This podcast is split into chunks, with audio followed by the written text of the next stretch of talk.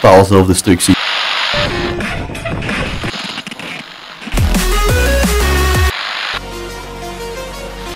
En ineens popt hij mijn plaat daar en ik lijk daar echt in mijn mes. Ik heb 60 platen bij. Normaal gezien is dat genoeg. Hey, welkom bij Is er leven op Pluto, aflevering 3 ondertussen. En eh, we hebben al bedroom pop gedaan, we hebben hardcore punk gedaan en vandaag doen we drum en bass met de koning van Turnout. Eh, de opkomende Netsky, Jo Elen, aka Used, is hier aanwezig. Let's go, let's go, let's go. Ik merk nu eigenlijk dat ik dichter bij mijn micro moet zitten. Het zijn al goede titels eigenlijk om mee te beginnen, zeg. Kom Ja, van ja, ja, ja. We gaan beginnen bij het begin. Gelijk, voor ons is het een nieuw genre. Eh geef het ons eens de drum and bass 101. Wat moeten we weten? Wat zijn de, de termen? Ik heb dingen gelijk jump-up gelezen. Ik heb dingen gelijk liquid gelezen. Eh, wat is drum and bass? Het is, het is grappig dat we daarmee beginnen, want ik zat vandaag thuis. Ik heb, mij, ik heb mij eigenlijk totaal niet voorbereid op vandaag, maar het enige wat ik vandaag dacht was... Als die mij nu vandaag iets vragen over hoe dat drum en bass in elkaar zit, wil ik wel even gewoon ook een paar feiten kunnen geven. Omdat, Oh, zalig. ja, ja, ja, omdat ik zoiets had van... Mijn verhaal begint eigenlijk lang nadat drum en bass begonnen is. En vanaf dan heb ik dat intensief gevolgd. Mhm. Maar van daarvoor wou ik wel even gewoon een paar feiten ook kunnen geven van hoe dat in elkaar zat of zo, drum en bass. En ook in België vooral. En dus, ehm, ja, basically, drum en bass is een elektronisch dansgenre. Ehm, dat is in de jaren 90 ontstaan in Engeland. Dat is, eh, allee, ehm, met, met jungle en allee, met heel de, de subcultuur, daar is dat zo wat begonnen. En ehm, dat, is dus, dat heeft zich dus ook naar, naar België verplaatst uiteindelijk. Ehm, drum en bass is al 20 jaar ehm, een, een echt ja, genre, zal ik maar zeggen. En in België heeft dat al 20 jaar, ja, eigenlijk over heel de wereld al 20 jaar ups en downs, basically in populariteit. Ehm, het is het, het grappige ding aan, aan drum en bass heb ik altijd gevonden dat het eigenlijk een, een genre is dat op zich al misschien vrij niche is, maar ook nog met heel veel subculturen en substromingen in van ja, subgenres eigenlijk.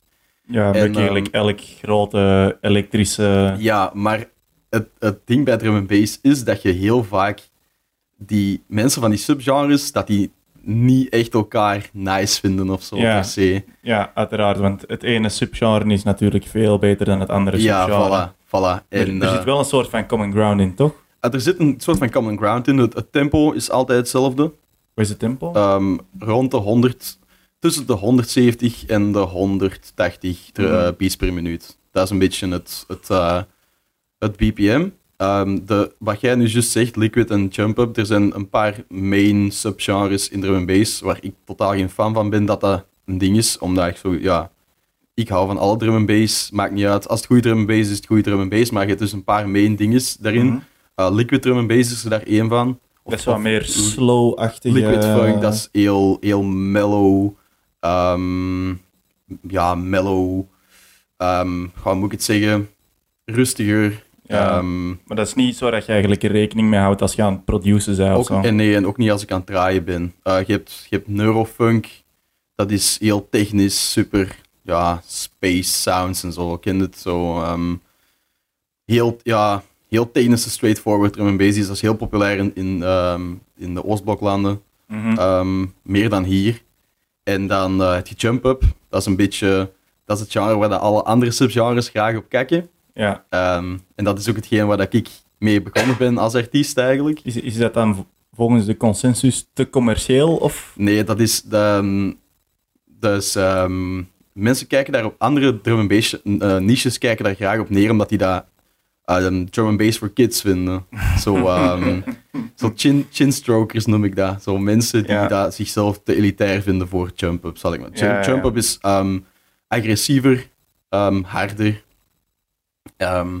Zoals als we het over hardstyle hebben bijvoorbeeld. Hè, je hebt hardstyle en. Ja, ja. En hoe netter dat hardstyle wordt, hoe keuriger dat dat wordt, hoe bruter dat, dat rawstyle wordt of zo. Uiteraard, want ja, dat is eh, een soort van normaal, vind ik dan een wel ergens. hè. tegenbeweging. Dat is een- Ja, voilà. Ik vind dat ook wel leuk binnen muziekgenres of zo, dat je heel vaak Ja. zo op elkaar wat afspeelt of zo. Ja, en je merkt dat heel hard als je doorheen de muziekgeschiedenis kijkt, dat er op elke beweging die er is, elke stroming die er is, dat er een tegenbeweging komt. Mm. En, en zeker de laatste jaren in België is Jump Up toch echt wel heel populair geworden. Mhm. Ehm, en ehm, dat is een beetje waarmee dat ik begonnen ben. Eh, dat is een belangrijke.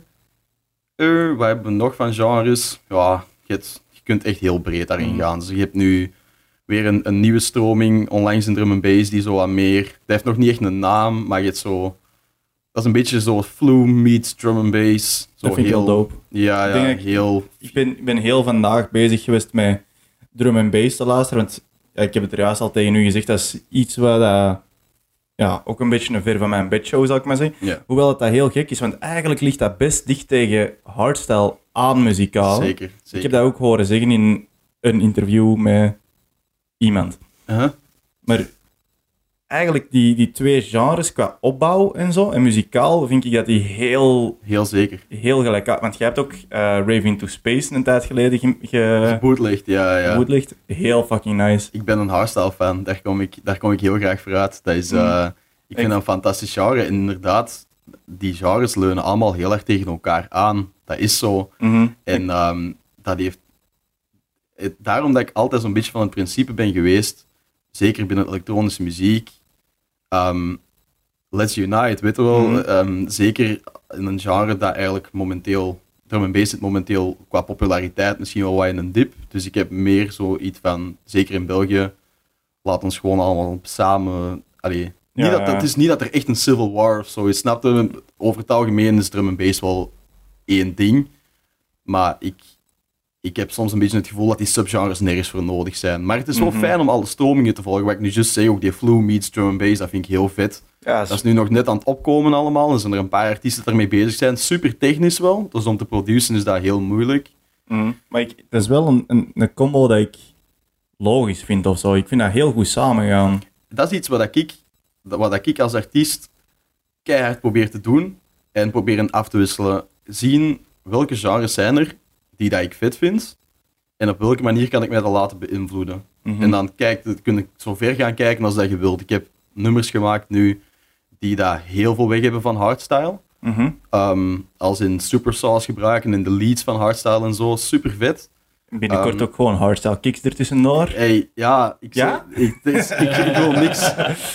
Ik, op een gegeven moment wil ik dat zeker doen. Ik heb het u net gezegd, ik ben een heel grote fan van Celtic. Bijvoorbeeld, als Celtic mij morgen zou sturen van, yo maat, gaan we samen een plaat maken, is er no way dat ik nee zeg. Ehm, maar ik vind het heel belangrijk om invloeden te pakken van buiten mijn bubbel. Mhm. Dat is ook de reden waarom dat ik in mijn vrije tijd heel veel naar andere muziek luister. Omdat dat, mij, dat, dat, dat, dat beïnvloedt mij op een heel belangrijke manier.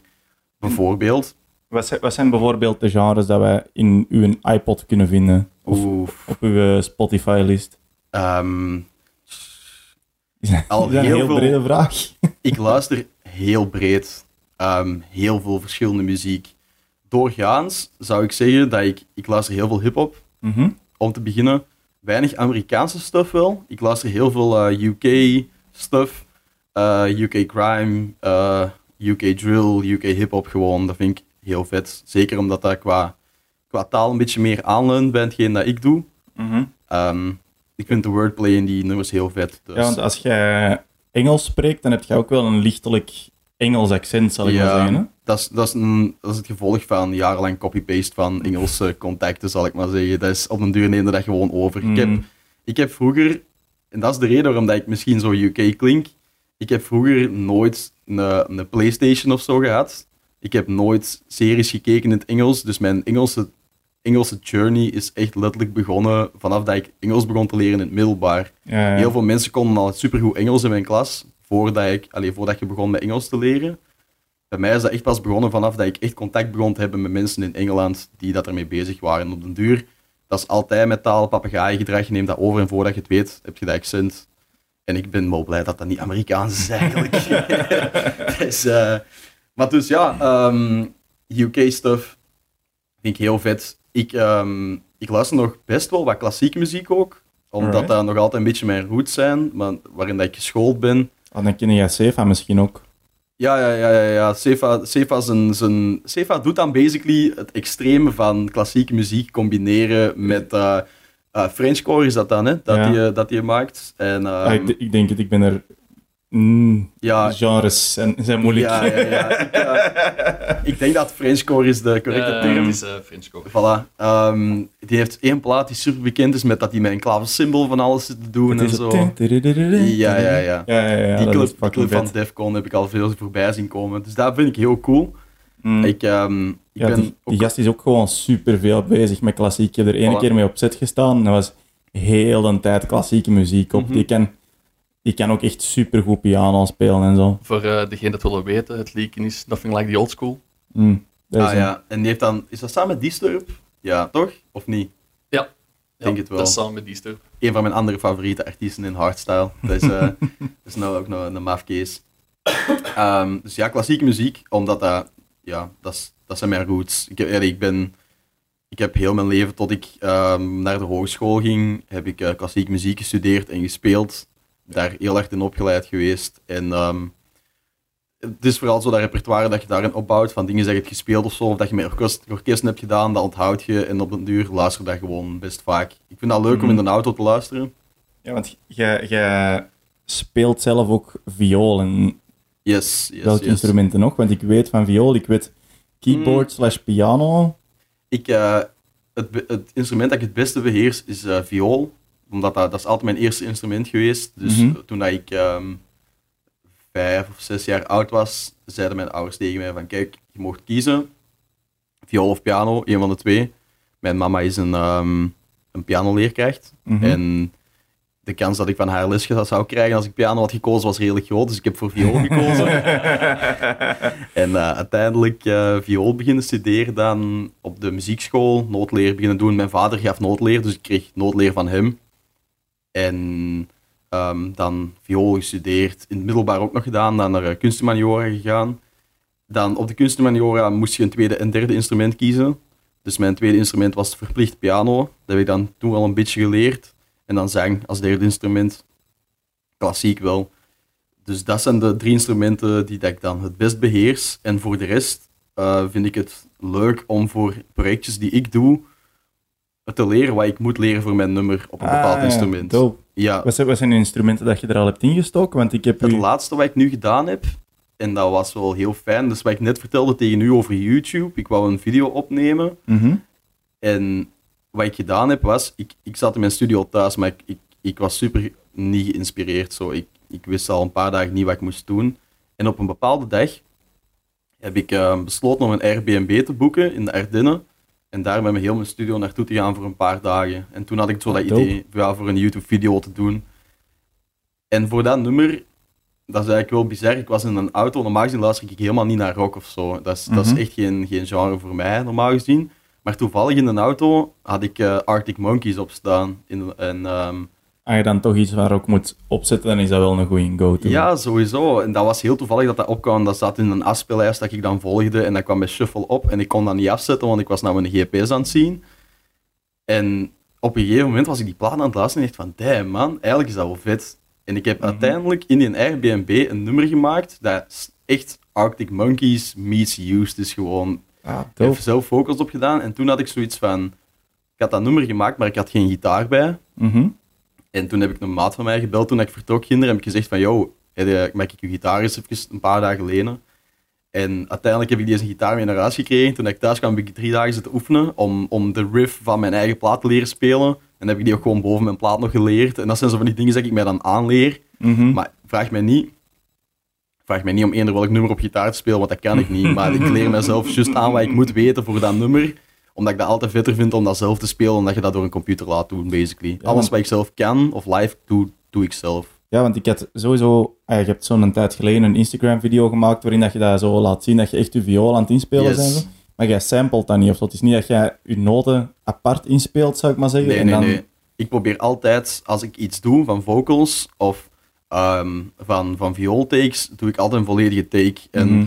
Daarom dat ik met, met vocals ook, je kunt eigenlijk meerdere takes samenplakken of zo. Of zien, als je echt verschillende takes doet, kun je de perfecte, elk woord basically van elke take samen gaan plakken. Maar ik vind dat dat, dat super onnatuurlijk klinkt als je dat doet. Dus ik probeer altijd voor één volledige take te gaan. Mhm. En je doet er dan soms misschien wel 10, 15, maar uiteindelijk gaat er wel altijd een tussen zitten die het beste is. Misschien niet perfect, maar ik vind dat, ik vind dat binnen elektronische muziek, en dat is iets dat ik heel erg probeer, is zo organisch mogelijk proberen te zijn.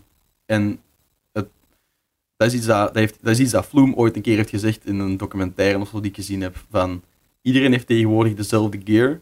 Elke, Mhm. elke kiddo met een laptop kan dezelfde gear hebben als David Guetta of, of weet ik veel, Timothy Vegas en Like Mike of zo. Ja, ja. De, de kunst nu is om die gear te gebruiken op een manier dat het eigenlijk niet moet, of proberen zo natuurlijk mogelijk te gebruiken. En dat vind ik fantastisch. Je hebt, je hebt in software om muziek te maken, dat je een grid staan, die dat perfect op de beat is. Zet dat soms een klein beetje achter die grid gewoon. Ja, ja. dat doet keihard om je plaat tot leven te brengen. Ik heb zelf ook al zo een beetje geëxperimenteerd met DAWs, zou ik maar zeggen. Mhm. Maar dat voelt... eh, ik speel wel analoog, zou ik maar zeggen. Mhm. niet, niet goed of zo, maar mijn ouders hebben altijd een piano gehad. En ik heb mezelf dat wat aangeleerd om daarop Mhm. te leren. En ik speel gitaar. Ik kan vuurgitaar. Maar er is toch een groot verschil tussen gelijk... Als je bezig bent, zou ik maar zeggen, of als jij dat moet aanduiden op Mhm. een grid waar je noten komen. Want Sowieso. Er is... Dat float niet of zo. Nee, dat is zo. Dat is de, e- dat is de voornaamste reden waarom dat, waarom dat echte muziek, zal ik het dan maar noemen, dus eh, ehm, live muziek, waarom dat, dat altijd beter gaat flowen dan elektronische muziek. Dat is de kunst. Mhm. dat, is de, dat is de hele opzet om, om ervoor te zorgen dat uw plaat l- organisch klinkt. En, als je, en dat is moeilijk, want je zit, met, je zit met software, je zit met synthesizers en je zit met die, met die grid. Mhm. En toen dat jij dan begon, eh, je hebt dan een tijd klassieke muziek gestudeerd en dan zei jij daarna overgegaan naar elektronische. Zei jij dan direct met je viool begonnen? Of was dat... Nee, dat is pas iets dat er later was bijgekomen. Ik, ik, op een gegeven moment, ik weet niet of dat bij u ook zo was, maar ik, ik heb het gevoel dat de meeste mensen zo niet echt een muziekgenre hebben totdat ze x aantal jaar oud zijn of zo. Dat je, Ik heb nog altijd geen muziekgenre, man. ja, maar dat je, zo, dat, je zo niet, dat je zo niet bewust weet wat dat je nice vindt. Ja, ja, ja, Zo- tuurlijk, maar... zo je eerste mp3 dat je hebt, daar zitten zo alles op wat je kunt vinden. Zo, ehm, Apple bottom jeans en zo van die nest. Allee, snap je? Dat is wat je luistert totdat je op een bepaalde leeftijd komt, Ja. waarin dat je zelf een beetje begint te checken van deze vind ik nice. En bij mij was dat op het moment dat ik, I don't know, ik zat in het vierde middelbaar of zo. En op een gegeven moment, dat is eigenlijk, ik vind dat nog altijd zo best een iconisch moment voor mijn eigen, maar dus ik, TMF bestond nog.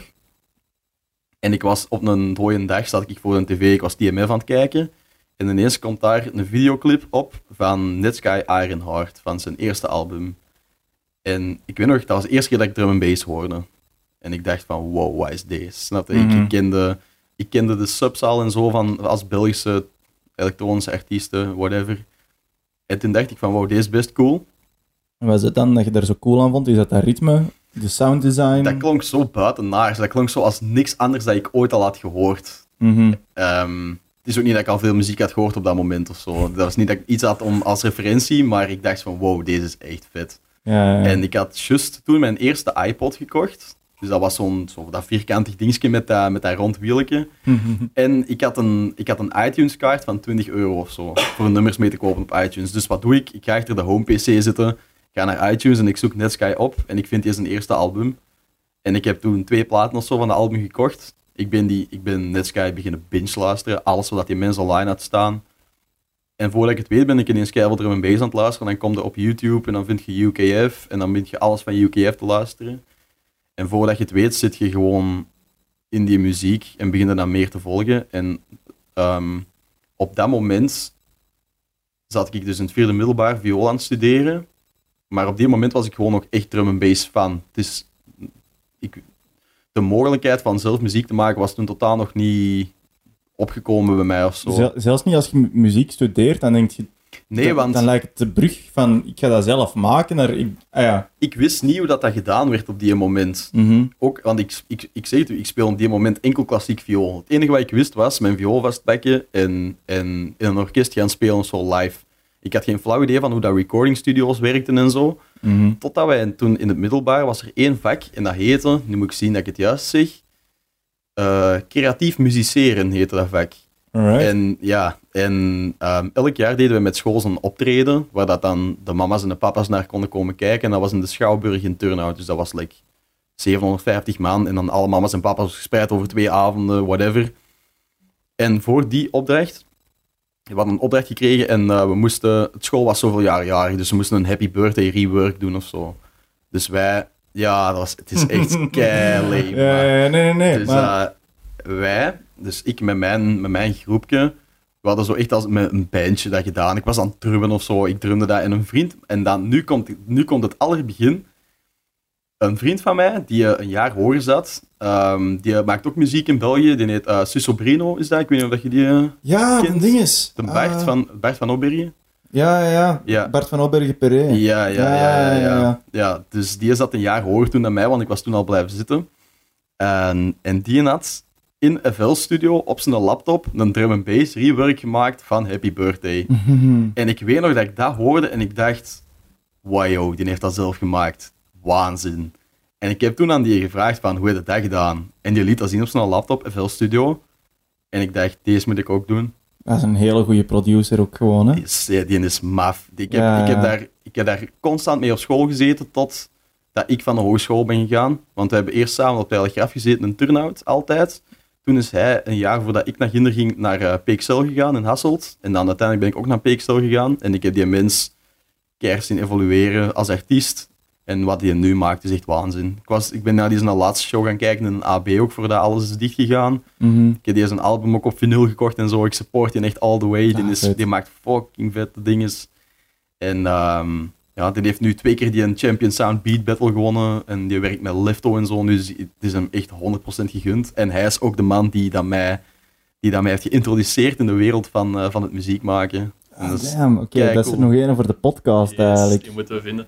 hey, die heeft interessante dingen te vertellen. Die, heeft, Mm. die is naar Zuid- Zuid-Amerika geweest voor zijn, voor zijn eindwerk en zo van PXL. Die heeft echt maffe dingen gedaan. Ja, maar die, heeft, heeft hij ook niet zo roots in een of ander Ja, zot land? Bolivia. Bolivia. Bolivia. En dan, gelijk, die heeft die muziek heel hard betrokken bij wat het Ja. dan ervoor al aan het maken was. Het is een super interessante figuur. En die, die wist.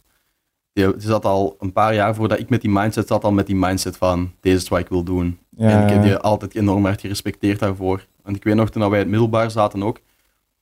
We waren, geen, geen van ons beiden was echt een goede student of zo. En we hadden echt wel, allee, ja, resultaten op school halen en zo was echt geen vette voor ons allebei. Mhm. En ik weet nog dat wij zo bij, op woensdag namiddag kon je zo studiebegeleiding doen voor vakken waar dat wij niet goed in waren. En die zat daar dan ook heel vaak.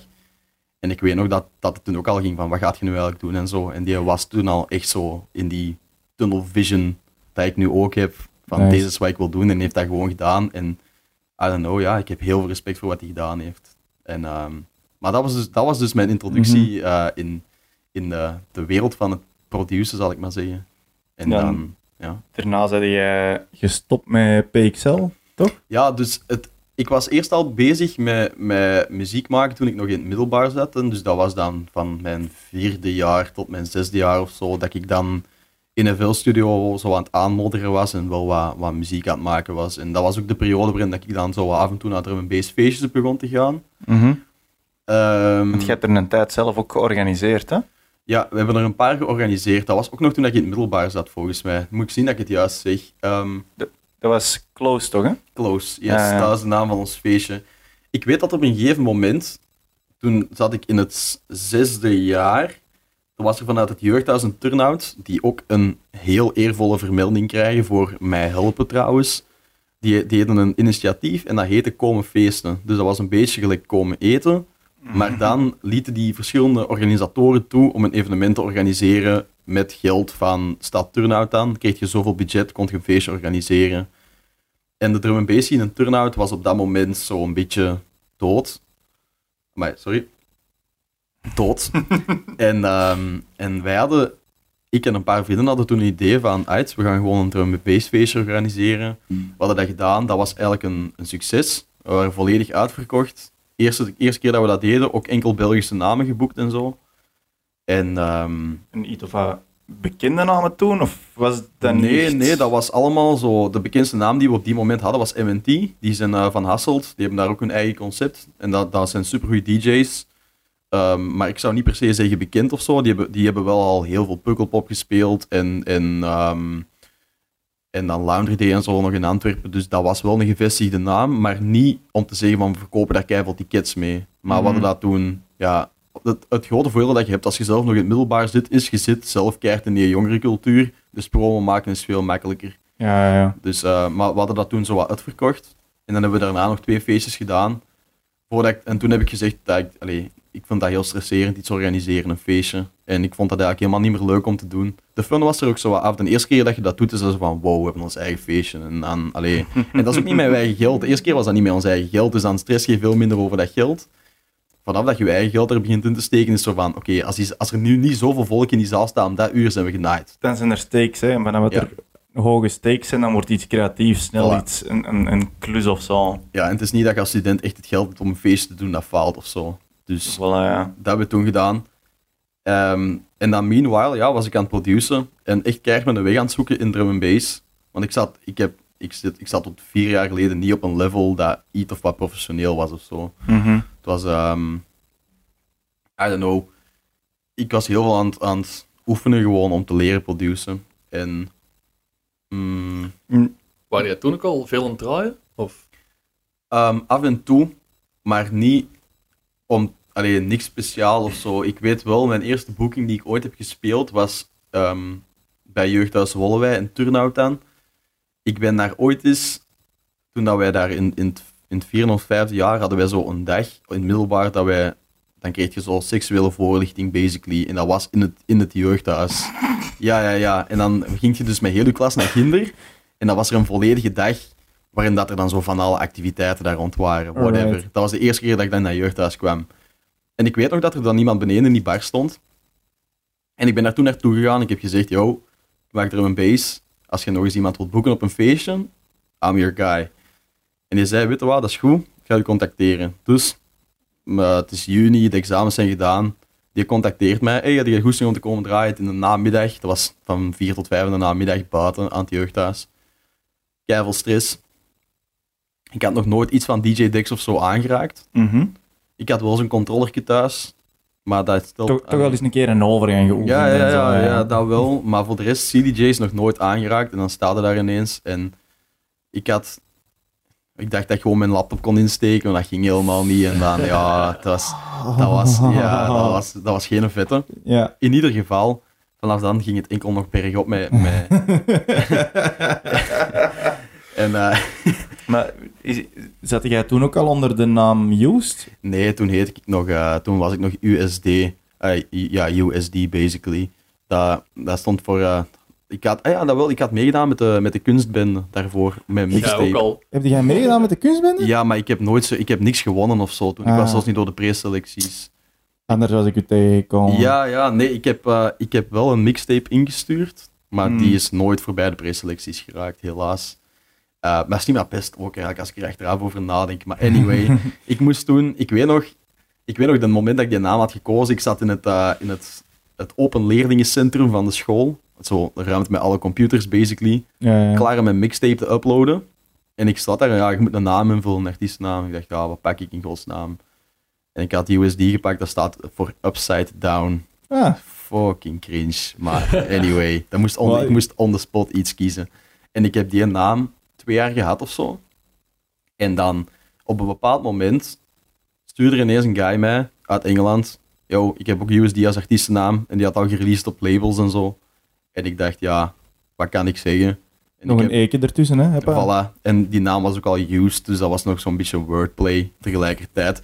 Langs de andere kant, wel niet de slimste beslissing ooit, want als je mij googelt, vind je niks. Ja, dat is wel. Ja, je moet wel DJ Used of zo. Of maar used music BE of zo, weet ik veel. Mm. Als je mij googelt, vind je niks. ah, dat, Je verandert weet- over, dat verandert over een paar jaar wel. Je weet dat je bekend bent als je een, als, als je een object als naam hebt en als je Mm. googelt dat jij erop komt. Als je Pitbull googelt, dan kom je op Pitbull. En dan weten dat je het gemaakt hebt. Alright. Dat is, dat is cool. Dat is cool. Dat zijn, dat zijn levels van bekendheid die waanzin zijn. Anyway. Maar het was niet echt zo'n grote uitdaging om u te vinden, zo. Nee, nee, nee. gewoon- Ja. Je zet er vrij snel gewoon DJ Used of Used Drum and Bass. Ja, ja, ja. Dan zit er al wel, zo. Dus nee, true, true, het, true, het is true. niet dat het helemaal van onder in Google zit. Als je het echt wilt, dan vind je het wel. Maar het is echt gemakkelijk. Ja, ja, ja. Je vindt wel niet superveel, want je hebt veel offline gehaald, maar daar gaan we straks meer over. ja, ja, over ja. bitchen. Ehm, wat, was ik, wat was ik eigenlijk aan het zeggen? Dus je waren begonnen met te draaien daar in het jeugdhuis. Mm. Als Ah, USD ja. dan ook. Ja, en dan... eh maar... Bubbles.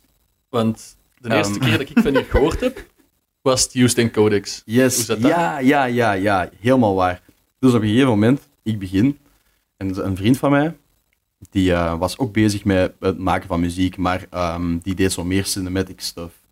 Voor films en zo. Allee, op die moment nog niet, die was er juist mee begonnen. En ik zei ook van, ja, allee, vind je dat niet nice of misschien samen iets te doen of zo? Want ik kon op die moment helemaal niet goed produceren. Hij kon eigenlijk echt wel deftig produceren op die moment. En hij had ook wel wat interesse in muziek. Dus had ik gezegd van, joh, doe dat niet samen.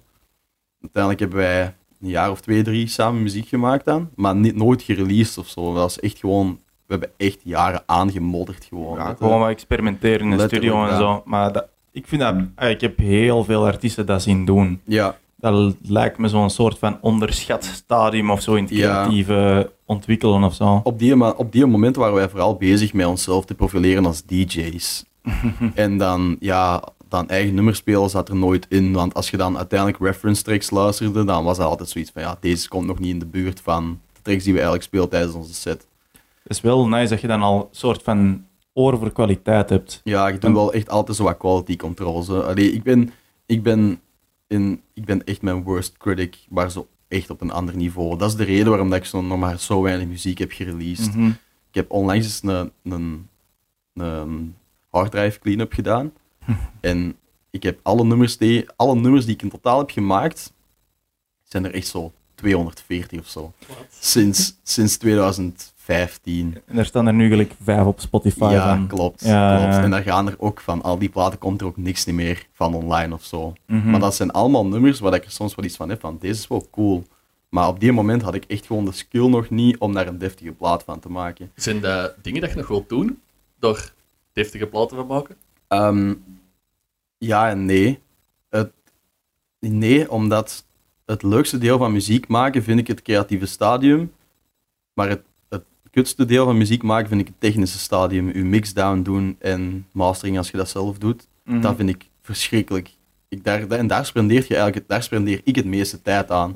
Dingen gelijk mastering outsourcen of zo, dat is niet not done of zo. Hè. Dat, dat doen Nee. er best veel. ik, ik probeer dat soms te doen, maar ik heb dat juist ook al tegen u gezegd. Ik ben een gigantische controlefreak. En als iemand anders mijn plaat mastert, voelt dat zo altijd alsof dat je zo plastische chirurgie op je eigen laat uitvoeren zonder dat je daar toestemming voor gegeven Mhm. hebt. Van, ik heb zo twee dagen geleden de masters voor mijn EP teruggekregen. En je spendeert zoveel honderden uren op die platen dat als je die terugkrijgt en er klinkt iets, ietsje anders, dat je echt denkt, wow, deze kan echt niet. En je Mhm. moet echt gewoon worden aan die nieuwe masters, want die klinken wel beter dan dat ik ze heb weggestuurd natuurlijk, maar iemand anders gaat eigenlijk je track vormgeven en daar heb ik soms heel veel moeite mee. Daarom dat ik sommige platen wel zelf master. Is, is dat iets waarvan dat je het gevoel hebt dat dat je kan tegenhouden of zo op een bepaalde manier? Dat je eigenlijk gelijk bijvoorbeeld een goede track laat schieten, omdat je zelf misschien te hard verknocht bent aan het idee van Ja, ja, ja, ik heb al... Deze is, deze is een van de dingen waardoor dat je al op een heel vroeg stadium kunt weten of dat iemand een goede producer is of niet. En dat zeg ik tegen iedereen, als er zo... Ik krijg, ik krijg op Instagram zo best wel vaak zo de vraag van, van aspirant producers van, yo, hoe begin ik best met muziek en zo. En bij, bij, elektron, bij, eigenlijk bij elke soort muziek, het idee achter je plaat is altijd het allerbelangrijkste dat er is Mhm. hoeveel bekende platen dat er niet zijn, dat als je daar vanuit een technisch aspect naar luistert, denk je van wow, deze trekt op niks. Maar dat maakt niet uit, want die plaat is fantastisch goed omdat het idee waanzinnig is. En dat idee, dat hebben of dat hebben niet. En daar moet je niet duizend uur voor in, in Ableton gewerkt hebben om dat te kunnen. Sommige van mijn vroegste platen, denk ik, als ik die nu luister, denk ik, wow, dat Mhm. is echt fucking gek, dat idee. ja, ja, ja. En dat had ik al. En hoe beter dat je wordt, en dat is een grote trap voor mij geweest, hoe beter dat je wordt technisch, hoe meer dat je dat creatieve begint weg te duwen. ja, ja, ja. Dat is, ik weet niet waarom, ik weet niet hoe dat, dat komt, maar Een beetje tunnelvisie of zo, hè? Vanaf- Dat je daar te hard op focussen of zo? ja, je, je- en dat, heb ik, dat, is de reden, dat is de reden waarom dat in de laatste tijd, laat ons zeggen, de laatste twee jaar voor mij zo goed is beginnen gaan, is omdat ik dat heb kunnen loslaten. Dat ik tegen mijn eigen heb gezegd, joh, uw idee is het belangrijkste, Mhm. je moet niet de beste mixdown van iedereen hebben, want dat is niet belangrijk. Mijn, mijn fans caren daar niet om of dat met een snare 1 dB luider staat of niet, of, of dat ik met een EQ op 200 hertz een klein beetje naar beneden heb gezegd. Dat maakt niemand iets uit. Mijn bekendste plaat is een plaat die technisch gezien eigenlijk helemaal niet zo in orde is. Mhm. Mensen Nee. dikken dat. Dat maakt, dat maakt het mij toch niet uit hoe dat mijn mixdown is. Dat is iets wat ik heel hard herken, want ja, ik, ik maak video's, dus een ander, ander genre zal ik maar zeggen. Mhm. Maar ik heb ook zo wat, ja, moeite gehad, zal ik maar zeggen, met een balans te vinden tussen kritisch zijn voor jezelf en jezelf accepteren of zo. Ja. En gelijk, geen van de twee doorvoeren is, is goed of zo. Je moet echt zo wat tussenin zijn, want je Mhm. moogt... De, de beste zijn super kriti- kritisch voor zichzelf, maar je moet wel iets uitbrengen, zou ik maar zeggen. Het hangt er vanaf op welk niveau dat je kritisch bent voor jezelf. Ja, Ik, drum and bass is een heel technisch genre eigenlijk. Mhm. En die mixdown, ik kan me voorstellen dat dat bij hardstyle ook zo is. De mixdown en je sounddesign zijn eigenlijk dingen die zo meespelen bij je identiteit, zal ik maar zeggen. mhm. Maar de harde realiteit is, en dat is iets dat mijn manager tegen mij gezegd heeft afgelopen zomer, en dat was een gigantische reality check.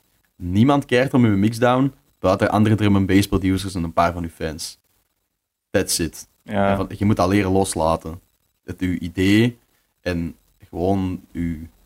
De compositie is altijd belangrijker dan de mixdown of zo. Mhm. Ehm, en je kunt dat ook zien bij sommige...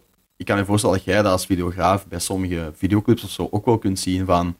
Eigenlijk is deze niet super goed geëdit, maar het idee is, een concept is super vet en daarom werkt dat. Voilà, als dat concept... Als het- alles draait erom om uw, om uw concept zo goed mogelijk uit te leggen aan mensen. Mhm. Op een visuele manier dan. Ja. En vanaf dat mensen mee in dat verhaal zitten, of dat die mask nu gelijk perfect is, of dat er misschien een paar haartjes afvallen, waar ik dan keihard zie, of dat uw witbalans misschien net een klein beetje afstaat, of dat, dat zijn van die details waar ik dan over begin te, te nitfitten, zal Ja. ik maar zeggen. Of de dingen die gelijk... Ah ja, er, kan heel veel mislopen visueel, zal ik maar zeggen, waar je gelijk echt in kunt gaan detailneuken. Maar dat zijn niet de dingen waar dat mensen mij over aanspreken. Als mensen ons aanspreken over een videoclip, dan is dat van... Fuck, ik heb dat gezien. En eh, gewoon het concept vonden we Ja. super graaf. De, de, mijn favorieten zijn ook de simpelste. Mhm. Omdat je gelijk daar gewoon alleen je concept hebt. De, mijn absoluut favorieten, dat zijn niet degene met de zotte VFX en de, de super gekke beatsyncs en dit en dat. Dat zijn degene waar dat we een heel simpel concept hebben gepakt en dat op een heel simpele manier hebben uitgevoerd, zonder heel veel toeters en bellen. Pas op, ik hou van toeters en bellen, versta me niet verkeerd. Mhm. Maar gewoon omdat dat concept er heel hard doorshine, zal ik maar Dat, zeggen. is, dat is 100% mijn visie op muziek ook. Mm. Het is super belangrijk om te weten wat je wel bent, maar het is ook belangrijk om te weten wat je niet bent. En vanaf het moment dat ik tegen, mij heb geze- tegen mijn eigen heb gezegd, ik ben niet die technische guy, vanaf dat moment voelde ik mij gewoon super vrij. En veel meer vrijer in wat ik wou doen of zo. Vanaf het moment dat ik tegen mezelf heb gezegd, ik moet niet de volgende Noisia zijn, ik moet, ik, mijn, s- allee, ik moet niet mijn drums maken in een synthesizer of weet ik veel wat. Dat is een moment waarop dat je volledig accepteert wie dat je bent. En dat is volledig creatieve vrijdom en, en, en Mhm. I don't know. Want je, je hebt ook een, een tijd, eh, want nu je het zo over, over creatieve vrijheid en zo hebt, je hebt een tijd een soort van side project opgezet, eh, waarin dat jij jezelf iets meer creatieve vrijheid gaf onder Ecologics. Toch? Ja, dat was niet per se. Dat is, dat is eigenlijk een, dat is eigenlijk een heel. Een, zo'n grijze zone, zal ik maar zeggen. Het ding is. Ik heb altijd al. Ik heb altijd al die melodische stuff willen doen. Mhm. Maar dat was toen dat ik begon met drum and bass gewoon heel onmogelijk om te doen. Omdat de- Technisch of gelijk in het genre? om mij daarin op te werken was dat moeilijk. En jump-up was op dat moment een opkomend genre.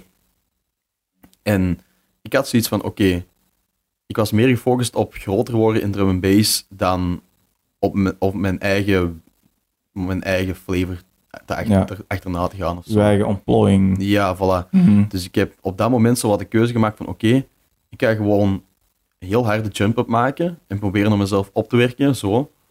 Maar ik kwam er al vrij snel achter dat dat helemaal niet werkte.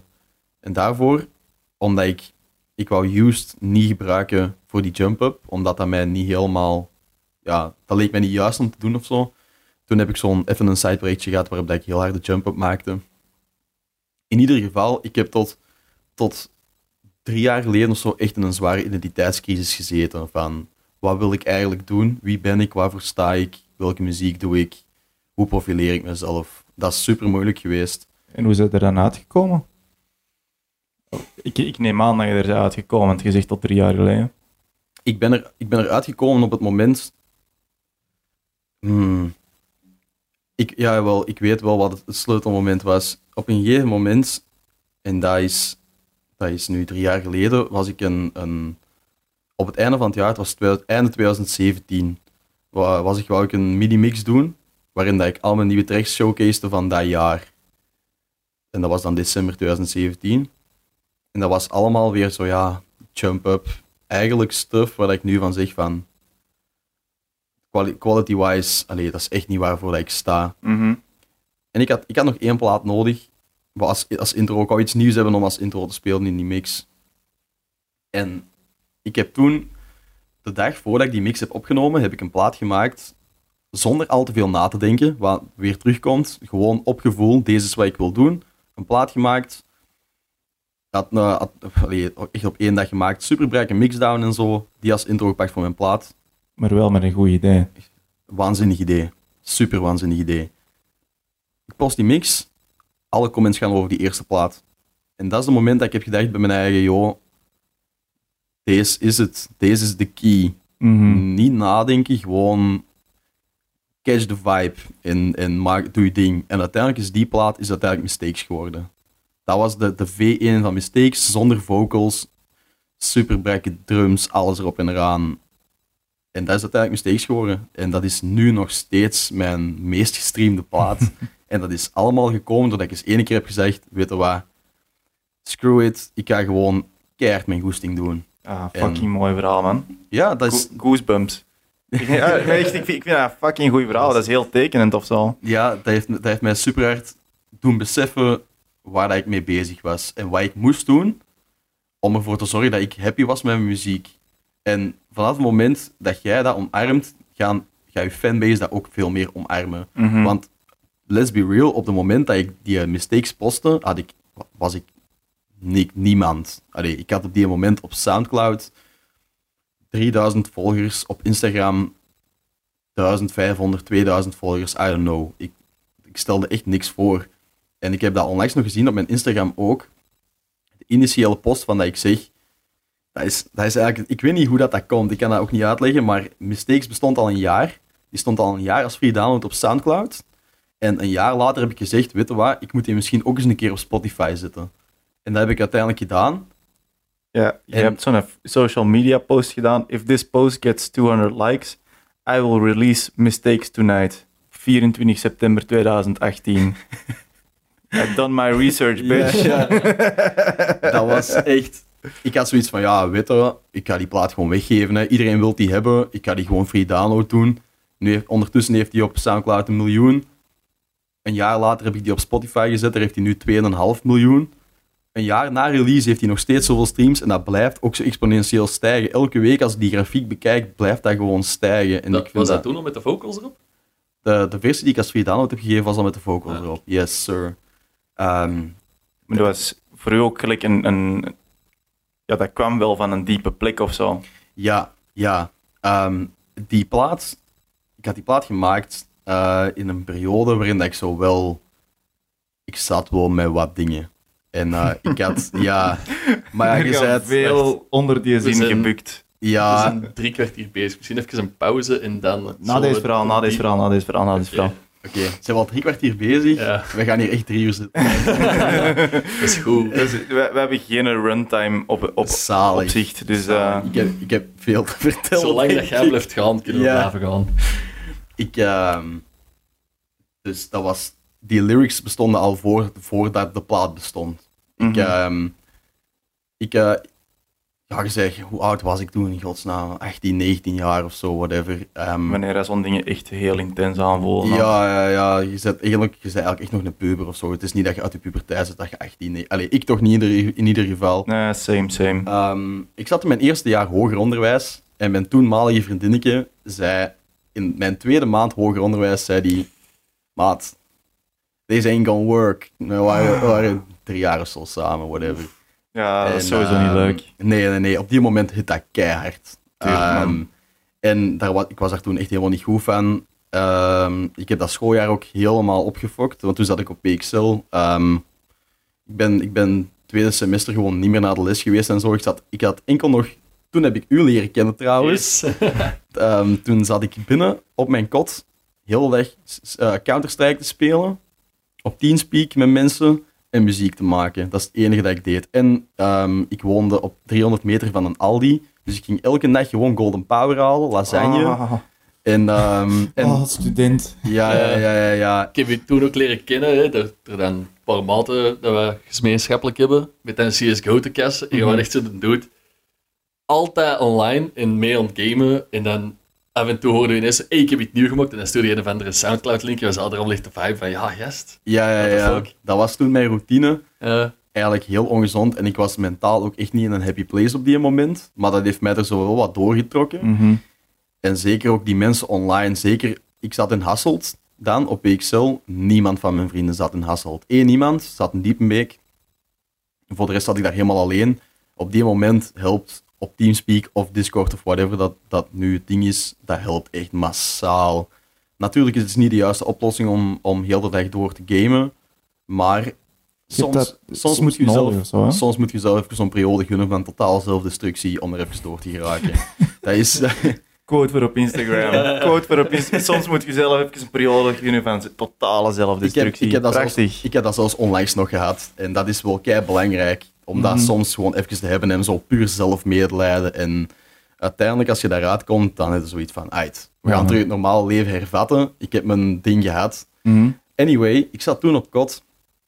En ja, zo, zo slecht als iets. ehm uitzichtloos, weet ik veel wat. En op een bepaalde nacht dacht ik van, weet je wat? ik ga dat gewoon van mij afschrijven. En eh, ik, ga dat, ik ga dat releasen. En ik ga dat op Soundcloud zetten. En eh, die gaat dat zien. En die gaat, dat, die gaat mij terug willen of zoiets. Ik, ja. Het, eh, ik, ik lach op dat het mij heel bekend in de oren klinkt. Als Like, je- I've been there, I've done that. als jij, als jij aan, in een break-up zit, zit je soms echt in die manische fase waarin je denkt, ik ga dat nu fixen. Mhm. En dat bestaat niet. Maar Mhm. toen, allee, ik zat dus toen zo, dat, je kent al zo wel die manische fase, ik ga dat doen, ik ga dat doen, ik ga dat doen. Bon, in ieder geval, ik schrijf dat. Een dag later, want s'nachts is dat altijd zo wat mellow. Volgende dag wordt wakker en denkt nee, dat was, dat was er niet, dat was er niet. en dan uiteindelijk, eh, ja, die lyrics die stonden in een Word-document ergens. En, eh allee, lang niet, eh, niet aangeraakt. En dan in 2017, als ik die plaat maak, ehm, nee, dat is pas in 2018 dat ik de vocals heb opgenomen, dacht ik van, oké, er, er mist nog iets aan die plaat. En ik weet toen dat op dat moment dat er twee artiesten waren dat ook al eigen vocals deden op hun plaat. Dat, dat waren eh, Fox Stevenson. Ehm, ik weet niet of dat hij toen al Fox Stevenson was, of nog Stan SB, maar anyway, die deed eigen vocals. Ik vond dat super vet. En dan Upgrade, eh, ook een artiest van Engeland, die deed dat ook. En ik dacht, weet je wat, waarom niet eigenlijk? Want, ja, ik ga het nog eens zeggen, ik ben een enorme controlefreak, dus ik kan niet gewoon met Mm. andere mensen samenwerken. Alleen, Ja, ja. soms wel, maar mijn vocalist, dat, ik, weet gewoon, ik wist gewoon dat dat niet goed ging komen, want voor op school moesten wij soms ook al projectjes doen met andere mensen. En als het op muziek aankomt en op visie en hoe dat ik dingen wil, weet ik gewoon dat dan, wist ik dat dat niet ging werken. Dus ik dacht, weet je wat, ik ga dat gewoon zelf doen. Dus ja, ik had die lyrics dan staan, ik record dat. En ehm, ik had dat gewoon op die plaat gezet met een goede portie distortion over en zo. Toch wel, allee, snapte dat niet. Het is super, het is kei uncomfortable de eerste keer dat je een plaat maakt met je eigen vocals. Want Mhm. je expose jezelf, ik weet niet hoe hard. En je eigen stem horen in een recording is het ergste dat er is. Super confronterend, hè? Dat is gelijk jezelf zien op beeld. Dat is ook Ja. zo... eh. Op beeld, op beeld ben ik er al, ja, nu met muziek ben ik er ook wel aan gewend. Maar die eerste keer dat je dat doet, is dat echt zo van, wow, Mm. deze is wel... En het- op die moment was dat voor mij echt zo ballen op tafel. En je gewoon zeggen van, kijk, voilà, ik heb gezongen op die plaat, doe ermee wat je wilt. Vet, man. Cool. Ja, ja, ja. En ehm, ja, Maar het ding is, je hebt dat dan ook online gezwierd. En ineens is dat kei groot geworden. en dat is een lucky shot geweest. En dat is een van de dingen die dat er soms in muziek nodig zijn om iets te doen. Keiveel chance hebben. Wat, wat heeft daartoe tot toe bijgedragen? Want ik, blijkbaar is dat een ding geworden op TikTok. Dat was afgelopen zomer. Ja, ehm, ik moet zeggen, het echt grote succes van Mistakes is eigenlijk pas in het afgelopen jaar gebeurd. Mhm. Wat eigenlijk vreemd is, want we zijn ondertussen bijna drie jaar na release of zo. Dus dan, maar bij sommige platen gebeurt dat gewoon soms ineens Ja. dat dat wordt opgepikt. Eh, die had op zichzelf al een... In juni dit jaar had hij juist een miljoen. 1 miljoen. Eindelijk, dacht ik. Wow. Eindelijk. Uh, It's about fucking time. Ja, nee, maar het was zo... het zat er al even aan te komen. Snap? Ik was zo echt aan het aftellen van... Alright, we zijn 500.000, 600.000. Mm. Ik dacht, yes, we zijn, op, we zijn op 1 miljoen. En ineens, ineens is er een meisje op TikTok. En die verzint daar een dansje op. En iemand stuurt me dat door. En ik, dacht, ik, wist, nog- ik weet nog dat ik dacht van... Wat is deze? Snap je? TikTok, ik moet daar ook over het algemeen niet superveel van weten. Maar Je mag dat niet zeggen, fanbase zit daarop. ja, nee, maar ik zit daar, ik zit daar ook op, maar ik, ik vind dat, ja, bon, daar gaat het nu niet over. Eh, ik, vond dat, ik vind dat wel heel cool wat de andere mensen daarop doen, maar ik ben Mm. niet de juiste persoon voor op TikTok te gaan zitten of zo. Ik kan Ja. niet zo die, eh, die, eh, die een explosieve 15 seconden content, dat is, dat is niks voor mij. En dat dansen en zo. Ik, ik snap het. Ik zeg mij... Ja, eh, dus anyway, ineens beginnen heel veel mensen dat te doen. Zo dan, op dag 2 waren er al zo 600 mensen aan video hadden gemaakt met die sound. En allemaal datzelfde dansje ook, want dat is echt Ja. een, een dansje dat daar nu een ding bij geworden is. Hè? Ja, ja, ja, echt zot. Het enige vervelende op die moment was, ehm, met, met- door mijn distributeur stond dat nummer niet op TikTok. Dus dat was een original sound, zo gezegd, van dat meisje. En, Ah, ik, ja. en ik had zoiets van, oei, ik moet dat wel fixen. Dus ik had dan mijn via mijn distributeur dan gezegd van, kijk, zet zet dat op TikTok, nu is dat in orde. En ineens begint keiveel man dat te doen. En je ziet dat ook gewoon in je Spotify-stats. Dat skyrocket echt gewoon vanaf het moment dat dat TikTok hitte. Ja, dat was plus 60, 70 procent op een week tijd. Dat zou godverreken wel zijn. Ja, en dan zijn we op sinds juni. Juni was 1 miljoen, nu zijn we hier eh 2,5 miljoen. Dus dat is de progress van drie jaar tijd, gewoon op, op, op, eh, op een half jaar tijd. Gewoon as if it's nothing. En dat is wel mooi. Radio heeft dat opgepikt. Ehm, het, is, het is op de tv geweest, in, in programma's en zo. Ah, serieus? Eh, ja, het is... eh, op Totaal sorry. Ja, nee, maar ja, dat, is- dat staat ook nergens of zo. Dat komt zo eens af en toe casual, zo eens op een programma. Of, Mm. er zijn zo wel een paar mensen bij Studio Brussel of zo die content maken bij Studio Brussel die, die mij wel volgen en zo. Dus dan, als die dan zelf muziek mogen kiezen, steken die dat er dan wel in. Eh, Het is ook wel muziek die zich goed leent om gelijk.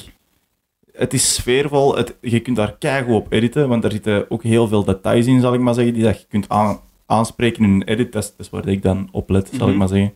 Dus ik, ik snap wel waarom het dat binnen tv-landschap ook opgepikt zou worden, zou ik maar zeggen. ja, en dan op iets gelijk TikTok, waar dat editen ook wel een beetje een ding is, denk ik. Ik heb er straks pas geïnstalleerd. Oh. Gelijk, letterlijk om de dansfilmpjes te kunnen zien. Ja, ja, ja. Het is, het, is, het is wel funny wat sommige mensen ermee doen, vind ik. Wat zijn de beste dat je zo al gezien hebt? Eh, de coolste die ik gezien heb, eh, was van een, een, eh, een lagere school. Hele speelplaats. Je hebt het op Facebook gezet. gezet. Hele speelplaats vol met kleine kindjes die dat dansje aan het doen. Ah. Ik dacht echt van, wat is deze? Dat is fucking leuk. Dat is kei leuk, want superveel mensen zeggen dan: Oh nee, dat is kei cringe.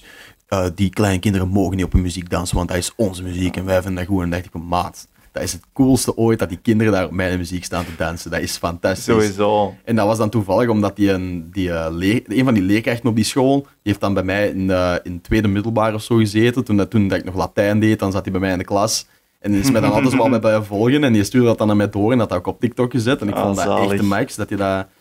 Ik dacht eigenlijk dat dat gelijk zo'n soort van, ik weet niet, een guest appearance van u in de school was of zo, dat je daar zelf muziek bij nee, had. Maar dat, die- dat was wel cool geweest, maar dat was al tijdens lockdown, volgens Ah. mij. Dat was juni 2020, dus dan was alles eigenlijk al dicht. Ehm, maar ja, Mistakes is, Mistakes is eigenlijk echt zo the gift that keeps on giving, eigenlijk. Mhm. En ik ben, ik ben daar super dankbaar voor, maar ik heb die plaat op dat moment zelf nooit echt keihard gepromoot of zo. Dat was ook voor de periode dat ik echt bezig was met Instagram en al die dingen. Dat was gewoon meer van, ah, er zijn honderd mensen dat die plaat wel leuk vinden, download hem maar, weet je. En dan Mhm. pas een jaar later had ik zoiets van, ah, die doet het wel goed. Ah, dan had ik opgezocht hoe dat je dingen op Spotify kon zetten en had ik dat zo gedaan. En ja, die, het, qua afterpromotion heb ik daar eigenlijk helemaal niet veel voor gedaan. En dat is heel cool, want die plaat heeft zichzelf gepromoot. En Er zijn nu echt honderden artiesten die aan het luisteren zijn. Honderden artiesten die aan het luisteren zijn, want onze podcast is zo succesvol. maar als er artiesten aan het luisteren zijn, die gaan echt wel stik jaloers zijn, want dat is fucking goede promo hoor. ja, ja, ja. Dat, dat kun je niet kopen, zo'n dingen. Nee, ah, wel, en dat is het ding waarom dat ik daar zo trots op ben. Je, je, kunt, je kunt ook heel veel streams pakken als je bijvoorbeeld in zo'n editorial playlist zit op Spotify of Mhm. zo. Maar dat is niet hetzelfde. En dat is een van de redenen waarom. Eigenlijk moeten we eerst een pauze pakken, want ik, Ja. dat is, ik kan weer een paragraaf van een half uur gaan doen We hierover. zullen even pauze pakken en dan... eh, We gaan even koffiepauze pakken en safjes smoren. Ik Komt zeg goed. het, als ik, als ik daarover begin...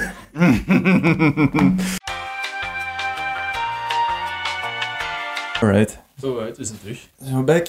Oké, jij Yes. ging eh, nog een heel relaas afsteken. Oh, wat was ik aan het zeggen? Dat is een goede vraag. Wat Eh, was ik aan het zeggen? Voor, Jij dat we een break-up dan verwerkt mistake, eh, ja, mistakes. ja, door die lyrics te schrijven. Te schrijven. Yes. Ehm, mistakes is gigantisch geworden. Dat er nu 2,5 miljoen Uh-huh. streams. Ja, Ehm, gigantisch, gigantisch binnen zijn context. ja, mhm. Het is, geen, het is geen wereldhit geworden en het is ook niet echt binnen de context van is een hit, is het ook geen hit geworden, maar voor wie dat ik, voor wie dat ik ben, is dat wel huge. Mhm. Zo, in België is het echt wel. in België, in België, zeker wel, zeker wel. Ehm, toen had je iets gezegd en toen wou ik daarop inpikken en toen hebben we besloten om dat niet te doen, maar wat was dat? Maar als er artiesten aan het luisteren zijn, die gaan echt wel stik jaloers zijn, want dat is fucking goede promo hoor. Ja, ja, ja. Dat, dat TikTok- kun je niet kopen, zo'n dingen. Nee, ah, wel, en dat is het ding waarom dat ik daar zo trots op ben. Wij waren, jij was heel inspirationeel. Wij waren over creativiteit bezig. Ja, Over. Fuck, maat.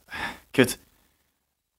Het is één saf en één koffie gelegen. ja. Over de pro. Maar deze ga ik er zo hard allemaal uitknippen. Yes, please do. Ehm, Kunnen we dat rap even niet beluisteren waar dat we er juist Ja, zijn? dat ja, dat zou...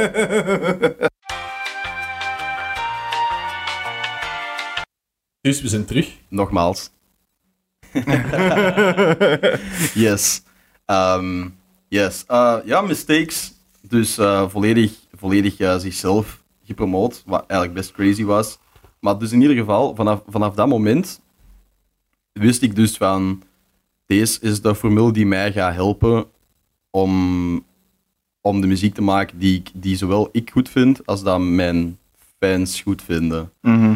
En vanaf dat moment ben ik, ben ik zo'n beetje die formule wat beginnen, beginnen uitbreiden. Ik heb dan, je, je kon dat wel echt duiden, wat het dat was dan, zal ik maar zeggen. ja, dat was die, dat was die, ehm, voor mij persoonlijk was het het keerpunt waren die vocals. Dus het, het moment dat ik dat, dat echt een stukje van mezelf er nog aan toevoegde. Meer als inhoud of meer als vorm dan? Ehm, een beetje van beide. Want voor mij hoeft niet elk nummer ergens over te gaan. Mhm. Maar ik, vind het, ik vond het wel cool dat dat een volledige touch van mezelf was. En ook het feit dat ik die plaat van begin tot einde zelf had gemaakt. En mixing en mastering en zelf zingen en de promo, en, en de promo helemaal zelf had gedaan en zo. Ja, ja. Ehm, en, en cool dat dat allemaal, dat dat allemaal zelf gedaan was, basically. En toen had ik zoiets van, oké, what's next? En ja, ik zeg het, toen, eh, ik, ik wist al wel wat, wat, het, wat, de, wat de formule was. En dan, dan begon ik daar wat mee aan de slag te gaan, was ik zo nog wat andere nummers aan het maken en zo. Maar het was voor mij heel moeilijk om, om terug op een punt te komen waarop ik zoiets had van, oké, deze is het echt. Want ik overdenk heel veel dingen. Mhm. En vanaf dat je dingen begint te overdenken, maak je eigenlijk geen, geen, maak ik geen goede muziek. Ja, dat en- gaat niet voor iedereen zo zijn, maar... Want de volgende die je dan hebt uitgebracht was die Comeback Home. hè? Yes, yes, yes, en yes. Hoe, zat je creatieve proces daaraan? Heb jij dat dan terug moeten uitzetten, zal ik maar zeggen, om dat te hard te overdenken? Ja, ehm de Comeback Home is ook weer zo'n nummer dat ik gemaakt heb op een dag waarop dat ik dacht, alright, ehm, ik ga nog eens gewoon echt alles loslaten en echt eens een keer iets maken dat ik cool vind. En dat was dan net zoals met Mistakes, een heel vet nummer gemaakt. En toen wist ik vanaf het begin, dat is eigenlijk dat is het begin van mijn Instagram-ding geweest. Dus er is een bepaald moment gekomen in dat jaar waarop ik dacht: oké, mijn nummers zijn op een, op een punt gekomen waarop het, waarop het de moeite is om het te promoten. Wat is de beste manier om dat te doen? En dan komt het tot de conclusie: alright, mijn online media presence is heel belangrijk. Mhm. Dat is, En dat was ervoor nogal onverzorgd of zo.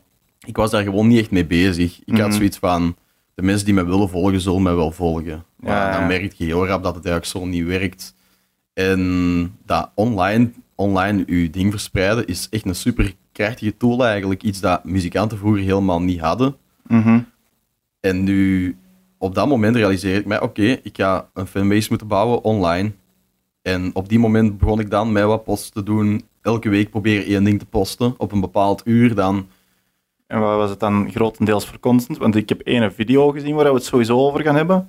Yes, dan was dat bijvoorbeeld, ik mocht dan eens, ik, of was dan, was dat na Comeback Home, ehm, in ieder geval, als ik dan naar een, als ik dan bijvoorbeeld in mijn eerste boeking in Oostenrijk of zo ging spelen, dan Mhm. als ik in het hotel was, dan vroeg ik wel aan iemand van, van de stijfkinder van, yo, wil je even een foto van mij trekken op tag van het hotel? Aha, en nice. dan snapte Ja, we van, hey, merci voor mijn boeking in Oostenrijk. En dan probeerde ik zo of stories plaatsen, consequent gewoon stories plaatsen met wat ik aan het doen was. Gewoon dat mensen wat mee kunnen zijn in het Yes. DJ-leven. En, eh, Dat is content die mensen wel graag zien, denk ik. mhm. En vanaf dan probeerde ik daar echt op te focussen. En ik was in, in mijn wave van drum and in België, was ik eigenlijk de eerste dat daar zo wat mee begon is met dat te doen. Met consequent op sociale media ehm, proberen om leuke content te posten. En op een bepaalde dag, ehm, dat is dus de dag waar ik het net over had, waarop ik dacht van, oké, we gaan nog eens een keer iets doen, dacht ik, oké, het is misschien eens nice om eens een productievideo of zo te maken, van in mijn studio, gewoon eens te laten zien hoe dat ik aan iets bezig ben. Dus een track is eigenlijk voortgekomen uit de video, de video niet uit een track. Eh, nee, ja, is dus de, ik, ik ging die dag een video opnemen, Ja, ja.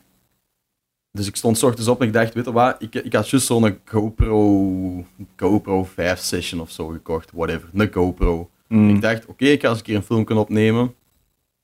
En ik had dan mijn setup in mijn kamer. En ik ben gewoon zo wat... Ik was eerst wel aan het jammen op mijn... Op mijn eh, ik was gewoon heel veel aan het bol, ik was gewoon aan, aan, aan het jammen. En ineens staat die plaat daar.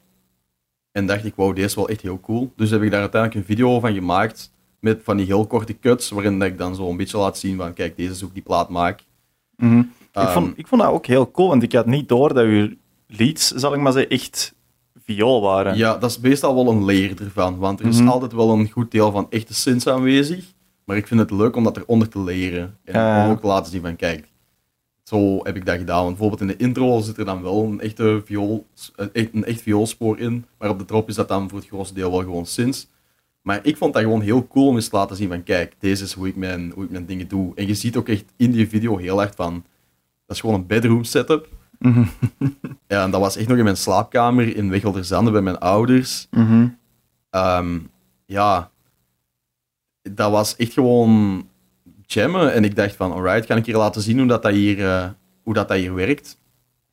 En dat was ook direct met vocals. Dat was, de, lyrics, de lyrics voor die plaat had ik ook al vroeger geschreven wel. Dat was in diezelfde periode. Toen had ik die andere had geschreven. Iets later wel zo. Dat ik, ja, je hoort dat ook in die plaat. Mhm. Ja, daar zit sowieso wel een evolutie in. Ja, dat is zo... Dat de- vind, vind ik het leuk en dan in die drie wel, dat dat een soort van... Ja, ik weet Ja. niet, dat vertelt een verhaal en ik vind, dat heel, ik vind dat heel leuk in muziek als dat verhalend kan werken. die drie, de, drie- zo drie fases of zo van een Mhm. break-up. Achteraf bekeken maakt die break-up eigenlijk niet zo heel veel uit, maar het heeft mij wel enorm hard geholpen om een verhaal van te maken. Mhm. En dat vond ik wel cool, dat ik twee follow-ups heb kunnen doen van die eerste plaat. En dan die dag zelf dacht ik van, alright, deze is... Dat, dat gebeurt heel soms dat ik zo voel van, deze plaat is echt wel cool. Dat had ik met Mistakes toen ook. In mijn Comeback Home had ik dat terug van, alright, deze, deze is wel echt heel cool.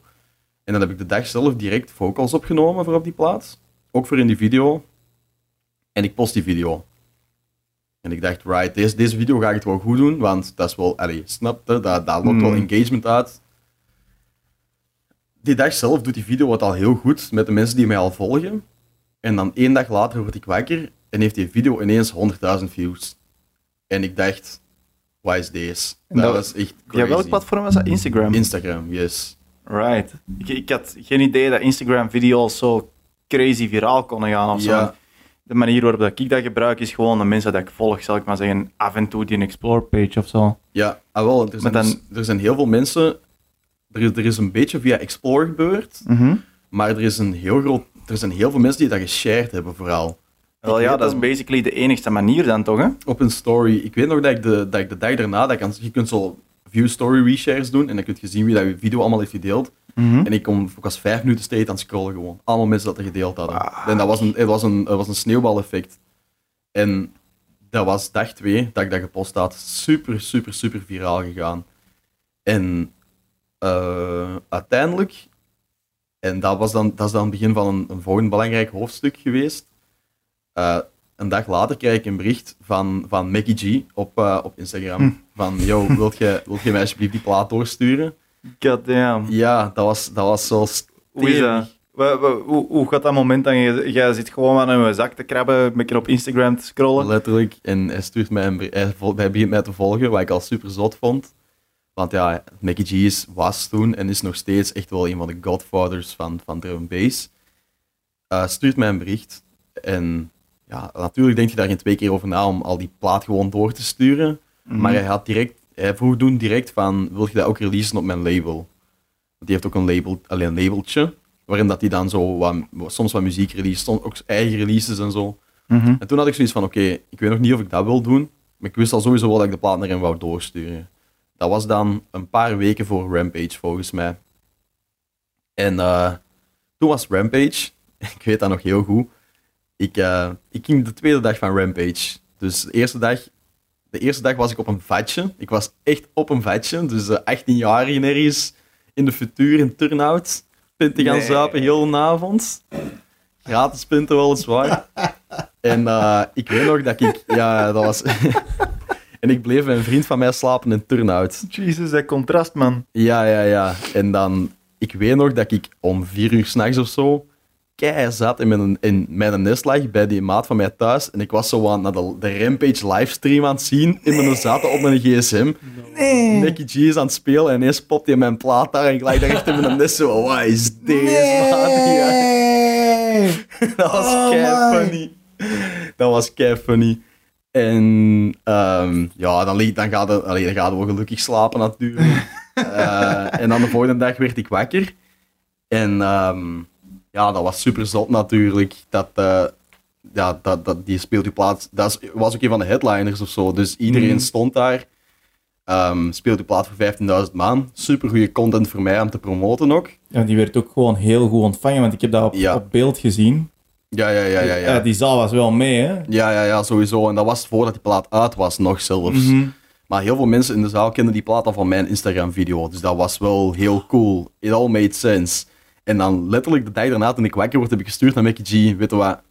Ik sign hem op uw label. Dat was no question. Snap je? Dat was zo logisch voor mij om dat voor hem, voor hem te doen. Ja, tuurlijk. En ehm, iets dat ik zelfs ook nog wil aanhalen is, Mickey G is een van die mensen die dat niet keert om hoe groot dat je bent om met u te werken of om met u te praten. Dat is iemand die Mhm. enkel keert om goede muziek. En er zijn maar een paar artiesten op dat level dat dat doen. Daar heb ik ongelooflijk veel respect voor. Er zijn zo nog een paar mensen met wie dat ik nu werk, dat dat ook hebben. Eh, anyway, tweede dag Rampage. Ik was, dan, ik was dan zelf gegaan die dag. En ehm, later op de avond heeft dan ehm Distress Signal, wat dan zo'n combinatie van drie artiesten is, die hebben dan ook nog mijn plaat gespeeld. Dus stond ik zelf ook in de zaal. Dus dat was ook wel heel cool. Dat was tijdens het laatste uur. Dus ik denk dat dat kwart voor zes ochtends of zo was dat mijn plaat dan nog werd gespeeld. Dat was super vet om je eigen plaat in Sportpaleis op de box te horen knallen. en dan stond ik daar zo ook in het publiek van, alright, dit is cool. En al mijn vrienden stonden rondom mij, allemaal keihard aan het meeroepen en zo. Dus dat was echt wel vet. Oh, hallucinant, jongen. Dat was echt Zeker heel vet. als je dat niet zo, zo niet ziet aankomen Ja, of zo. ja, ja, ja. Ik, hij had ook niet tegen mij... Ik wist dat hij het misschien ging spelen op Rampage. Mhm. Want hij had naar mij gestuurd van... Hey, ik speel binnenkort op Rampage, wil je die plaat doorsturen? Maar dan, ja, je weet niet of dat hij dat daadwerkelijk gaat doen. Dat is Mickey G. Die krijgt zoveel demo's, die, allee, die zal moeite hebben met kiezen. En uiteindelijk, ja, dan had ik tegen hem gezegd van... Ja, weet je wat, doe, doe je ding. Ondertussen was ik zelf ook dan een beetje aan het opklimmen. Dat vind ik, dat vind ik soms een van de leukste dingen. Als je... Onlangs was ik nog eens een keer bij mijn ouders thuis en die hadden dus nog wat rommel van mij meegegeven dat nog bij hen thuis lag. En dan waren ook, dat was ook een verzameling van oude flyers en posters van events waar ik gespeeld heb. Ah, nice. En hoe, ik vind dat zo zot om te zien dat ik zo, mijn eerste evenement dat je zo van onder op de line-up staat. En dan een jaar later staat ze een klein beetje hoger, klein beetje hoger. En nu headline ik die events en dat is fucking vet om die progressie te zien. Dat is Allemaal, echt iets... allemaal inframen en naast elkaar hangen. Ja, ja, ja, ja. Dat zijn echt dingen waar dat ik, dat zijn dingen waar dat ik zelf heel trots op ben. Mm. Ehm, en dus op dat moment, dat is dan, is nu 2018 of 19, 2019, was ik dan stilletjes aan aan het opklimmen. Dan steeds betere timeslots aan het krijgen op evenementen. Mijn eigen nummers vol een bak aan het spelen in mijn sets. Er is, was ook wat meer vraag naar mijn muziek en zo. Mijn fanbase was rustig aan aan het groeien. Nog altijd niet super huge, maar wel, wel echt al cool mensen die echt mijn muziek digden. En dan in eh, juni dat jaar kwam die plaat uit. En dat was de eerste keer dat ik dus echt een bewuste campagne deed, echt een bewuste release, dat het om middernacht online kwam. Dat was eigenlijk Mhm. heel vet. Was Ehm. dat voor u een heel groot, een grote stap vooruit, zal ik maar zeggen? Dat je eh, qua denken als artiest om er zo'n campagne in zo achter te steken? Ja, ja, dat wel. En ik vond dat vooral heel spannend om te doen, omdat je dan echt, je zit dan bij een planning van zoveel weken voor release, doen we dat. Zoveel weken voor release doet je dat. Twee dagen daarvoor doet je die post, één dag daarvoor doet je die post. En dan doet je after promotion. Dat was de eerste keer dat ik dat echt bewust deed. En mijn engagement van mijn fanbase was waanzinnig. En ik heb, ik heb echt de. Iedereen zal dit waarschijnlijk zeggen, maar ik heb echt de, de gekste fans die er zijn. en ik vind, ik vind fans zoals een. Ik vind fans zo'n beetje. Ken het dat dat zo'n beetje zo'n negatieve connotatie heeft, alsof dat klinkt. Dat fans klinkt zoals dat dat zo crazy mensen zijn, dat je eigenlijk. ik snap waar dat van komt, maar ik heb die ervaring er niet echt mee Ja. Ik noem dat niet. Fans is echt een slecht woord eigenlijk. Ik noem het meestal supporters of zo als ik in, het Eng- Ah, Engels doe. Dat, dat klinkt wel leuk. Ja, dat is ook zo, want dat, zonder, zonder, ehm, zonder alle mensen die je volgen en die je supporten, staat je echt Mm. nergens. En zeker ik niet, want ik zit nog altijd niet in iemands zak op deze punt. En daar ben ik wel echt kei trots op. Ik, ik doe altijd alles zelf. Maar Daar ga ik straks wel nog wel op terugkomen. Ja, dat mag, Ehm, dat mag nu ook. ehm, Ik heb wel genoeg zijpadjes weten nemen. Is dat, is dat iets waar je gelijk heel wary voor zei? Om niet onder iemand anders creatieve controle te geraken of zo? creatieve controle is, is voor mij echt wel iets dat heilig is. En dan ga Mhm. ik ook altijd. ehm, als stel nu dat er morgen mijn major label mij, mij benadert en zegt: Kijk, ehm, we willen graag met u werken. En die komen met een contact en zo, is een van mijn belangrijkste voorwaarden. Ik wil creatieve vrijheid. Niet dat je Ja, ja. tekent voor x aantal platen en dat ze alles gaan afwijzen wat je Mhm. ik wil steeds in controle zijn van de muziek die ik release. Als ik muziek stuur naar. Stel nu dat ik mijn label zou werken, dat is gelukkig nog niet gebeurd. En ik, ik stuur een plaat door. En, en die zeggen: We vinden deze niet cool. Dan moet ik ook niet meer met dat label werken. Want als ik op een label zit. Als ik op een punt ben met een plaat. dat Mhm. ik vind dat ik die plaat wil releasen. En dat label zegt: We vinden die plaat niet cool. Dan wil ik niet meer met dat label werken. Want dan geloven die niet in mijn muziek. Zoals dat ik dat doe. Alright. Zo zit ik wel een beetje in elkaar. En stel nu dat die niet ronduit zeggen van we gaan deze niet releasen, maar gewoon zeggen van voor ons label is deze track misschien niet echt passend, maar de volgende eventueel wel. Ja, dat is kan, dat daar een ik. nuance waar dat Dat is een nuance. Dat is een nuance. Dat is Mm. echt wel een nuance. Maar bijvoorbeeld, ik ga nu niet zeggen welk label, maar er was wel een, er was wel eens een keer een heel groot label waar dat ik dan een demo naar had doorgestuurd. Dat was de eerste versie van Better On My Own. Mhm. En die hebben teruggemaild van, we vinden de plaat cool, maar de vocals niet. Ja, dan mocht jij het ja. grootste label ter wereld zijn, dan release ik niet op je label, want mijn vocals gaan wel gewoon om die plaat komen. En dat is Ja, niks ja. persoonlijk tegenover dat label dan, want het fair play van hen dat ze de vocals niet vet vinden. Maar voor mij is dat wel, als ik vind dat, ik een plaat, dat een plaat klaar is voor mij, dan wil ik die exact zo releasen. Ah, cool man. Misschien met mastering of zo, maar Mhm. Ik wil enkel met mensen werken waar ik 100% zeker van zijn dat die achter mij staan zoals dat ik achter mij sta of zo. Ja, Ja, ja. eh, Zo mensen die... Mijn, mijn, grootste, mijn grootste motivatie voor mijn ding te doen is dat ik iedereen dat mij volgt en iedereen dat mij support, dat ik die zo op dezelfde vibe wil krijgen als ik. Mhm. En heel veel mensen viben keihard met mijn muziek. En dat is de reden waarom dat die dat zo nice vinden. Die doen dat op dezelfde manier als ik. En ik vind dat dat mijn label en mijn manager en mijn boekingskantoor ook zo moet zijn. Maar dat is Dat wel iets wat jij nu aan het vinden bent. Ja, ik, Denk ik, ik, werk nu met een manager die daar 100% staat achter wat ik doe. Mij mijn creatieve vrij- vrijheid geeft. Mijn boekingskantoor, waar ik van weet dat ze mij vet vinden. Mhm. En dat is goed dat ik dat weet. Dan, dat geeft mij ook meer geloof in hen, als ik weet dat zij 100% achter mij staan. Ik wil nooit met iemand werken waar ik van weet dat hij niet 100% achter mij staat, Ja. want dan weet ik dat zij niet al hun input in mij gaan steken of zo. Nee, maar dat is echt heel belangrijk, want ik hoor dat ook veel van ja, andere artiesten waarmee dat ik werk. De grootste hebben zeker in het verleden al veel van zich af moeten bijten. Exact op die manier, Mhm. zal ik maar zeggen. Want iemand die creatief is en iemand die echt voluit gaat voor, je, voor een goed product, zal ik maar zeggen, weet wat dat goed is en Voilà. En dat is meestal iets beter aangevoeld dan een label dat En dan doet. moet je soms nee kunnen zeggen en Mhm. niet bang zijn om nee te zeggen en op lange termijn denken. Ja, jij, jij bent ook sowieso degene die een eigen toekomstvisie voor u heeft. Hè. En, Voilà. ah ja, dat, dat is natuurlijk ook gewoon het perspectief waarvan dat je Mhm. zelf uitkomt. Ja, en alle respect voor mensen die dat, dat niet diggen wat ik doe natuurlijk. Mhm. Maar voor mij persoonlijk, ik, ik vind het sowieso al niet evident om heel veel dingen te outsourcen. Als Ja. ik dat dan wel doe, dan wil ik wel dat die mensen 100% op dezelfde golflengte zitten. Mhm. En dat geldt eigenlijk voor alles zo. En daarom dat ik soms rapper geneigd ben om nee te zeggen. En dat is de reden waarom dat ik zo weinig dingen heb gereleased. Omdat ik enkel iets wil releasen als ik mij er 100% goed bij voel. En vanaf dat ik één twijfel heb over iets, dan gebeurt het meestal niet. Dat is ook zo met, met collabs doen. Als ik met iemand een plaat maak en er zit 1%, 1% twijfel in mij over dat, ik dat, dat dat echt wel is wat ik wil, Mhm. trust me, die plaat gaat nooit uitkomen en nooit afgeraken. Dat is, dat is misschien een slechte eigenschap van mij, maar Zelfs niet als het met Celtic zou zijn.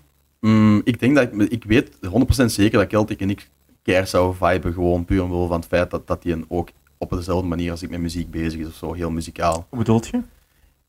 Ik heb die, als ik die mens bezig zie, want ik heb er ook al een paar video's van gezien als die in de studio zit, hoe dat die muziek maakt, Mhm. ik kan me daar echt volledig in vinden of zo. Ik kan mezelf perfect in de studio plaatsen en zeggen, alright, nu gaan we dat doen, nu gaan we dat doen of zo. Ik weet niet, ik, ik, dat is moeilijk om dat te zeggen als je die nog niet in het echt hebt gesproken, maar ik heb wel echt het gevoel dat dat... Wie weet werkt dat niet, hè.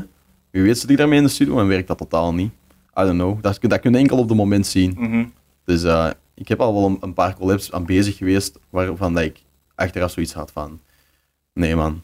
En dan uiteindelijk komt die plaat ook niet uit. En dan, dan vind ik dat ook niet erg, want uiteindelijk van alle dingen die ik wel heb gedaan, stond ik er 100% achter en ik heb er no regrets Mhm. van. Dus Kunt u er altijd ook zo'n beetje goed over voelen, zal ik maar zeggen. ja. Dat het toch een soort van kwaliteits, mhm. kwaliteitsdingetje is of zo. Ja, en dan is het ook altijd wel fijn als je een management hebt, dat die ook een beetje mee die communicatie kunnen doen of zo. Of mijn booking, mijn booking Mhm. agent, booking agent hebben is fantastisch, want als, als, eh, als jij te veel geld vraagt, dan kunnen, dan, kunnen, dan kunnen de promotors kwaad zijn op het boekingskantoor, want ik heb er niks mee te maken. Dan kan ik altijd zeggen, ja, mijn boekingskantoor, daar heb ik niks over te zeggen. Als, Oh, man, ik wil ook een boekingskantoor. dat is toch fantastisch. Oh, ik haat met geld omgaan. Ik vind het echt verschrikkelijk. Ja, de, de echte harde business side of things laat ik wel altijd doen door management of Ik door het boekingskantoor. Maar uiteindelijk ben ik wel altijd degene die de, die de shots called. Maar Mhm. dan, ik spreek dat altijd wel goed af dan met hen. Ook over boekings van, kijk, dat soort boekings liever niet. Maar als het een goede opportunity is, dan wel. En allee, die, ik, Mhm. ik zorg ervoor dat ik alles goed afstem met de mensen die ik samen, met wie dat ik samenwerk. Dat we echt op dezelfde golflengte zitten. Dat is super belangrijk Ja, ja. om je team, tussen aanhalingstekens, echt gewoon ja, volledig achter u te bestaan. Daar zit jij ook een goed voorbeeld van. Jij zit hier in hetzelfde gebouw als de mensen met wie dat jij het meest samenwerkt. Als dat Mhm. niet op dezelfde golflengte is, dan, dan weet ik het ook niet. Dus Ja, dat, ja. Is dan, dat is toch dat is perfect. En, Helemaal. ehm, wat, was ik eigenlijk, wat, was, wat was ik eigenlijk aan het zeggen? Och, jongen, we, we hebben al vijf, vijf zijpaden Ja. genomen, dat is oké. Ehm, Laten we het We misschien... kwamen van Come Back Home, dat dat opgepikt is Ah, Mickey G. ja, ja.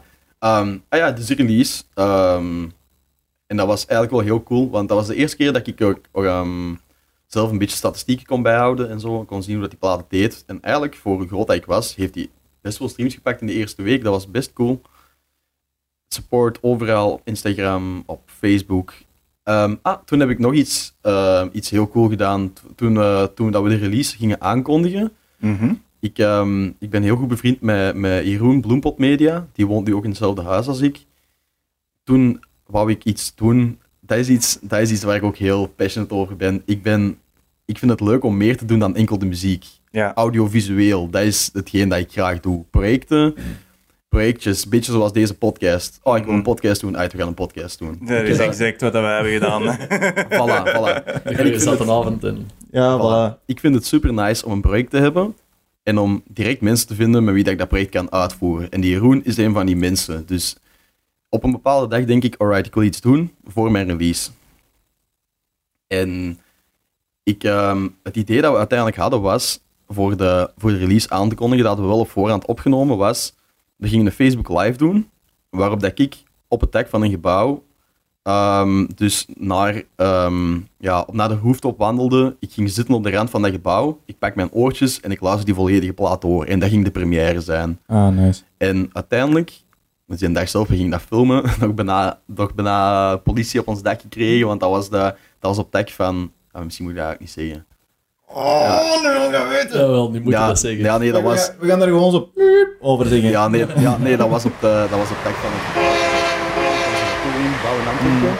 Dat is best, best strenge security wel daar en zo. En, en we wisten dat dat tricky ging zijn.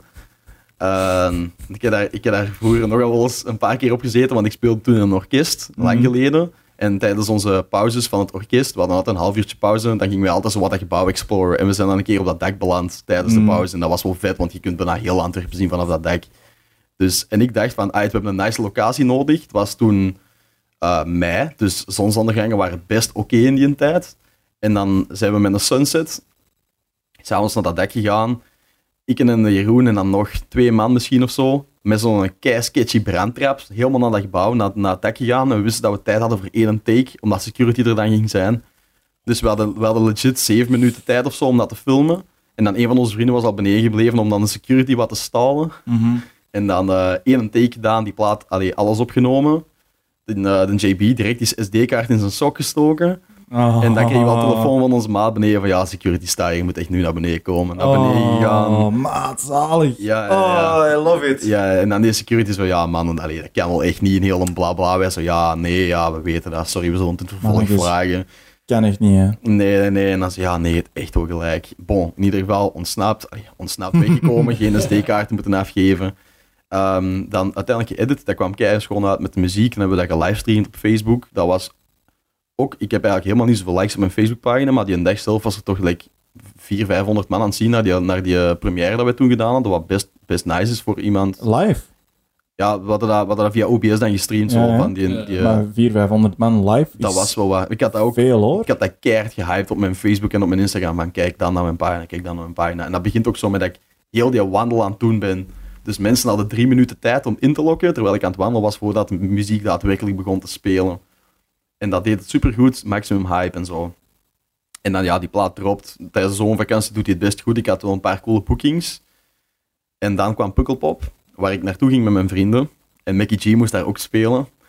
En ehm, ik heb toen die, de dag dat Mickey G moest spelen, eh, belde die manager van Mickey G mij van, yo, want die, die, die werkte ook met mij samen voor de release te doen, want die ruimt ook dat Mhm. label mee. Die belde mij dan van, yo, Mickey moet vandaag spelen. Heb je geen goesting om eh, mee op stage te komen checken Ja, tijdens de set in een boiler room?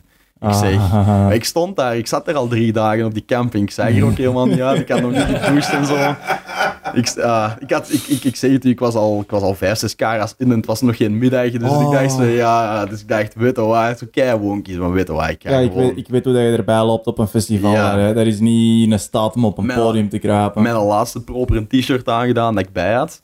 En dan uh, hup naar een boiler room, heel gedoe, omdat ze konden mij niet zomaar... Een, eh, de Mickey die kwam juist van, eh, van Spanje de nacht ervoor en had nog niet geslapen. Mhm. En die moest na Pukkelpop nog naar Lowlands. Dus die was echt in een staat... Allee, ja, die, die had niet geslapen, basically. Dus die was- stond daar in zweet en, en, en moe en deze en dat. In ieder geval, die manager keert zijn best aan toen om mij mee op dat podium te krijgen. Ik stond er dan.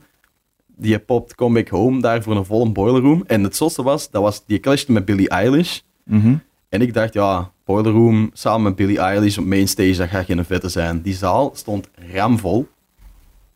En die, die popt daar even Come Back Home. En I shit you not, na tour van Mickey G, wat zijn bekendste plaat is, is Come Back Home het hardst meegezongen van elke plaat tijdens die set. Dat staat op YouTube ook. Dat is insane. Dat is 15.000 man, echt voetbalstadion gewoon. Ik stond daar op het podium met mijn gsm te filmen. Van, wat is deze hier, Had je toen eigenlijk heel veel grote podia gedaan en zo? Nee, Zelf? absoluut niet. Dan, Absoluut dan is niet. dat echt nog meer En- insane. Want Ja, en nog steeds niet eigenlijk. Want normaal gezien ging, ging Mm. 2020 het beloofde jaar zijn voor mij. je hebt al wel Rampage Open Air gedaan, hè? Ja, niet? ja, ja, maar dat was eigenlijk een relatief kleine stage. Mm. Dat is wel een outdoor festival. En oh, Rampage Open Air, dat was, dat was ook 2019 ook eigenlijk heel cool. Dat was, eh, dat was een eerste keer dat ik Rampage ging spelen. Ja. keiveel stress voor. Want eigenlijk toen ik begon als, eh, als 15-jarige knaap met eh, drum en bass, was dat altijd de end goal. Dat was de, het, het ultieme dat je kon bereiken, was Rampage spelen in het Sportpaleis. Oh, gast, dit moet zuur zijn voor u. Ja, ja, ja. ja. You have no Oh. idea. You have no idea. Ehm, en ja, dan, dan ineens krijg je een mail voor Rampage Open Air. Mhm. Dat is volledig flippen natuurlijk. Dat is de eerste keer dat je iets met Rampage gaat doen, dus je wilt presteren die een dag zelf. nog nooit zoveel stress gehad voor een boeking. Mhm.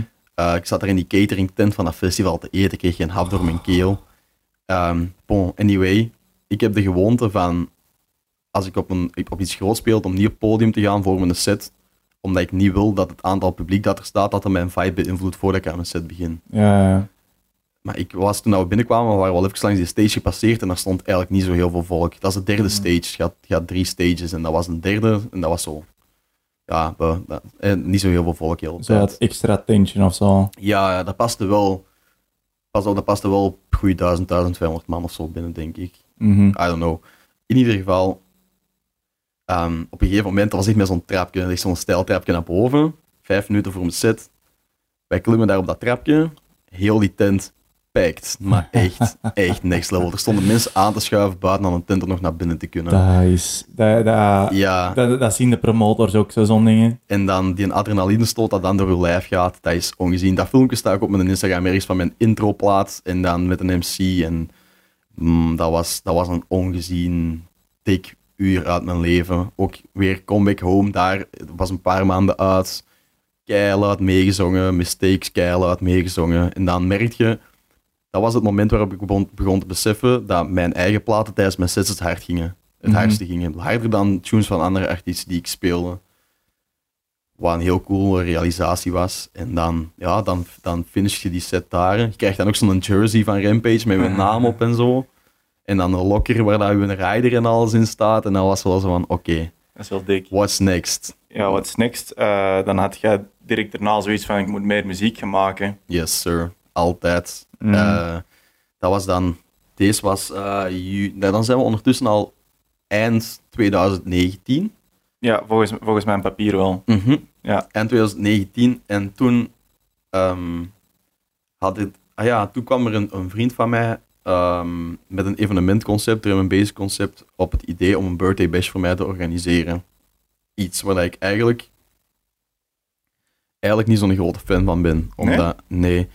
Ik, ehm, ik vond dat zo, als je er in C over nadenkt, als ik daar als mezelf, als Jo over nadenk, denk ik zo van, ah, dat is een beetje zo ego-trippen, weet je wel, zo een heel. Mag ook wel. Ik, ik, Ja. ik heb geen enkel probleem met artiesten die egeltrippen. Nee. Zo- zolang het gelijk op een leuke manier is, hè. Ja, ja, ja, sowieso. Maar dus in, in eerste instantie, ik had ook al een beetje een afkeer van organiseren, omdat hij mij de laatste keer dat ik dat gedaan had, had hij mij dat Mhm. heel veel stress gegeven. Dus ik heb gewoon tegen hem gezegd van, kijk, weet je, ik wil dat op zich doen, maar ik wil niks met de organisatie te maken hebben. Ik wil je wel mee de line-up en zo bepaald? Ja, ja, ja, dat- ja, nee, dat was... Dus ik zei, creatieve input, allemaal goed en wel. Ik kies de line-up, je mocht mijn hoofd op die banner zetten. En ik promoot dat 100% zoveel als dat ik kan. Maar organisatorisch, ik wil geen enkele factuur zien. Ik wil er, ik wil er niks mee te maken hebben. Ik was op die moment ook echt niet... Allee, ik was nog... Ik, toen werkte ik nog, dat is wel iets dat ik ook nog moet vertellen. Ik heb, ik heb heel lang heel shit jobs gewerkt om op deze punt te geraken. Maar- gelijk schappen vullen in een oké en zo. En... dat, ik ga daar zelfs een paragraaf over doen. Oh, I can't wait. Ehm, en ja, dan die, een- die birthday komt er. Ik had dan, en dat is iets waar ik ook heel erg voor sta, een volledige Belgische line-up samengesteld. Mhm. Iets dat eigenlijk binnen Jump Up en Drum Bass in België eigenlijk vrij onmogelijk is in een zaal van die capaciteit. Dus ehm, de meeste evenementen in België in Drum Bass hebben minstens één of twee UK-namen nodig in hun hoofd om uit te verkopen. Alright. Ehm, wij hebben toen die een avond gezegd, weet je wat, we gaan het enkel met België doen. Dus ik heb, ik heb ehm, basically al mijn bevriende collega's in België op de line-up gezet. Van alle verschillende delen van het spectrum van drum. Alles wat we daar in het begin over hadden. Ja, ja. Feestjes in België zijn, zijn heel gepolariseerd qua drum. Je hebt jump-up feestjes, je hebt liquid feestjes, je hebt deep drum feestjes. Allemaal apart. Ik heb die avond gewoon gezegd, ik pak alles van iedereen in heel die, al die subgenres en ik zeg die gewoon op één avond samen. En als je het niet nice vindt, dan moet je er maar een uur geforceerd naar luisteren. Mhm. En dat was een fantastische nacht. Dat Ja. was echt super zot. Als een buitenstaander lijkt mij dat nog wel gelijk leuk om gelijk mee te kunnen spelen. Dat je al die genres samen zet Sowieso. en dat je dan een beetje speelt met de volgorde. Ja. Dan kun je gelijk net een heel leuke build-up in heel hun avond Ja. steken of zo. Die een dag zelf, ja, daar, daar kom ik zo wie wel. Die, eh dus line-up samengesteld, super, super gevarieerde line-up geboekt. En ehm ticketverkoop, ça va. Natuurlijk, op een duur controlefreak die ik ben, spring ik daar dus wel mee in organisatorisch, want ik kon het niet meer aan om niks te weten. Ik, Ik, moest heel ik had het weten. niet anders verwacht. Nee, ja, ik moest weten hoe de ticketsales gingen en zo. Natuurlijk beginde dan keihard te stressen. Eh, en een avond voor met een birthday bash zelf Hm. moest ik een- de Studio Brussel show gaan spelen voor de warmste week in, eh, in Kortrijk. En eh, ik, dat was een back-to-back met, met Murdoch en Baystripper. Dat zijn grote namen, hè? Uh, is, eh, is ongeveer even oud als ik, die is ongeveer ook even groot als ik, denk ik. ik ja, ik kan, Maar Murdoch ken ik en ik ken niks van drum and bass. ja, ja, ja, dat is de, dat is de chief van, van Rampage. Ja. Dus dat was, wel, dat is de eerste keer dat ik met hem back-to-back, ook de enige keer dat ik met hem back-to-back. Bon, anyway. Wat je niet zo goed gedaan dan. Ja, dat, dat was die avond, was zo, het was de warmste week dus van Studio Brussel. En ze hadden allemaal van die back-to-back sets samengesteld, basically. Dus er was ook zo'n een, een hip-hop back-to-back van, van eh, Chucky Beats met Young Mavu en, en eh, wie is dat nog bij? Hakim en Faisal of zo. zo een- een- die waren dan het uur voor. En dan eh, Average Rob, en omdat het kan, Sound System zat er dan ook nog tussen. Mhm. En dan stonden wij daar het laatste uur met een drum and bass. Dat was een dag voor mijn birthday bash. En dan heel een avond dacht ik, ik ga niet drinken, want het is morgen met een birthday bash. En wij moesten om, het was in Kortrijk en wij moesten om tien uur s ochtends in de shop staan in Antwerpen. En eh, wij speelden van 2 tot 3 de laatste set. Dus het vroegste dat we thuis gingen zijn was 5 uur s ochtends. Dus ik dacht, Mhm. weet je wat, drinken, dat gaan we toch niet doen vandaag. En dan Lijkt me een wijze keuze het is wel. tien na twee. En ik wou, me, ik, wou, ik wou iets uit mijn rugzak pakken onder de DJ-boot. En ik kijk en ik zie daar ineens nog drie flessen vodka staan. En ik dacht, het is ook maar zonde als die flessen terug in de, in de voorraadkast van de VRT gaan. Dat, dat, dat was heel moeilijk om u te overtuigen op die moment, precies. Ja, het- ik dacht, ja, in de voorraadkast van de VRT staan die flessen ook maar gewoon stof te happen. Hmm. En daar stonden, en daar stonden kennen van die grote Red Bull bekers. Zo, Nee. van, die, van die kartonnen bekers van Red Bull. Zo. En dan, Ah, die, ja. En dan, en dan, ja, ik ben ook wel iemand die dan zo iedereen ook overtuigt om nog in de alcohol te vliegen. Dus dan, omdat het kan staan zitten met een average Als jij neergaat, dan pak je al de Ja, dus mee. ik zeg, Ja, maar ik begin iedereen gewoon bekers uit te delen. Gewoon, ja, gewoon 10 minuten into de set. Eindstand, eindstand vertrekken we daar om 4 uur s ochtends. En dan het beste van alles was, ik had eigenlijk, ik had tegen een vriend van mij gezegd, normaal gezien ging ik rijden en er gingen twee vrienden van mij mee. Maar ik had tegen hem gezegd, ja, maar ik had die dag nog gewerkt of zo, weet ik veel. Mm. Ik zeg, ja, ik ben wel een beetje moe eigenlijk. Ik heb eigenlijk geen goesting om te rijden. Wilde jij niet rijden? Ja, nee, nee, nee, dat is goed. Dat is goed, dat is niet erg. Uiteindelijk is hij de enige nuchtere daar van iedereen. Wij zitten daar met drie man in de nottel scheiden zat naar huis aan het rijden. En dan... eh, en wij komen bij hem thuis aan om... Ik pak dat het zes uur s ochtends was. Echt zat dat geen naam heeft. En dan de volgende dag moesten we om tien uur in de shop staan. Uiteindelijk komen we daar om elf uur aan. Ik stond daar echt zo in de show van... Deze is echt... Echt niet meer een dag. En dan, ehm, ja, opbouw. Keihard stressen die een dag. Uiteindelijk uitverkocht. De zaal stond volledig vol. Once again, ik was, eh, ik was eigenlijk niet zo heel veel in de zaal tot aan mijn set. Mhm. Mijn ouders waren ook daar voor de eerste keer. Dus dat was wel cool. Ik heb die bewust altijd zo'n beetje willen weghouden van wat ik Mhm. deed. Tot het moment dat ik echt iets had om te laten zien. En dan, ja, ik dacht, die een dag is misschien wel tof om die te laten komen. En dan, ja, die beelden van tijdens mijn set, dat was, dat is ongelooflijk. Mijn eerste plaat die ik speel, iedereen is daar ook gewoon voor u. En dat Mhm. was super cool om daar ook gewoon mijn ouders bij te hebben. Dat, dat is de eerste keer dat die zo echt zagen van, deze is wat je doet, we understand. Zie, maar dat, dat, dat is voor mij het ding van een birthday bash. En dat is waarom ik dat eigenlijk wel leuk vind, is omdat dat... Dat is een beetje een showcase van de artiest, met vrienden van de artiest, waar dat die artiest ook helemaal achter staat, Ja. zou ik maar zeggen. En dat vind ik eigenlijk een heel leuk gegeven binnen dat birthday bash concept. En dat gaat niet over dat uw verjaardag is, of dat iedereen u moet ophemelen. Dat is gewoon even een momentje om die artiest te kunnen appreciëren of zo. Ja, ik vond het coolste deel van heel het concept is gewoon dat ik zelf de line-up kon handpicken en dat ik eens echt kon laten zien van kijk, deze drum and bass is wat ik cool vind. En dat was Mhm. gewoon alles. En heel de avond lang. En dan uiteindelijk speel ik ook die set. Waanzinnig goede set, ook fantastisch. Heel publiek, heel die zaal vol. Dus de shop gaat ook zo'n beetje omhoog. Dat is een beetje gelijk zo'n amfitheater of zo. Dat gaat zo met stapjes omhoog heel de tijd. Dus dat publiek was ook gewoon gelijk ene zee mensen dat omhoog ging. Ja. En dan staat er daar zo echt van. En dat was een heel, heel trots moment voor mij. En na die show was ik zo mijn ouders die, die verspoorten altijd al wat ik deed, maar dat was op het moment dat hij zei van, oké, we understand, weet je. Mhm. Deze is wat je wilt doen. Je bent goed bezig. Dan kun je ook zo'n beetje laten zien van, hey, er is wel echt veel volk in geïnteresseerd. Ja. Je kan hier op cashen. eh. Ja, voilà. En, en tot op dat punt, die, weet, die wist nou wel hoe dat ik ermee bezig was en zo, maar voor, op, tot op dat, dat moment was dat voor hen wel zoiets heel abstract. Want ja, die weten wel van ja, elk weekend weg en laat thuiskomen en gaan draaien, maar die weten niet voor hoeveel man dat, dat is of wat. Die zitten ook nog niet zo lang op sociale media of zo, dus dan op dat moment volgen die dat ook niet echt. En die kunnen Mhm. ook niet binnen die context plaatsen, maar vanaf dan was dat wel van, alright, you did well. En dat was wel cool. En dan, die birthday bash ehm, is dan, was dan gedaan. En uiteindelijk, toen, toen 2020 begon er wel echt al cool uit te zien. Qua bookings en zo al wel wat, wat, wat toffe aanvragen gekregen. Ineens komt die, eh, die Rampage booking eraan. En dan, toen dacht ik van, alright, 2020 wordt het jaar. En Dat dachten er veel hoor. ja, Oh. ja, ja. Ja. Ehm, ja, dan, dan, rolde, dan rolde 2020 binnen. Met een heel goed gevoel, want die- mijn birthday bash was eh de 20 december of zo, 2019 dan. En dan gaat mijn heel goed gevoel dat jaar binnen en dan weten, oké, in maart is het Rampage. Dus ik was eigenlijk heel hard bezig met die set al vanaf het begin van het jaar. Dus alles wat ik daarvoor speelde was zo van, right, Mhm. alle nieuwe muziek en zo uitstellen naar, naar de Rampage set dan, om dat voor de eerste keer te showcaseen. En ja, dat was wel ehm, dat was heel spannend. Ehm, ik, ik woonde toen ook juist op mijn eigen. Ik woon sinds. Ik woonde toen net in Antwerpen.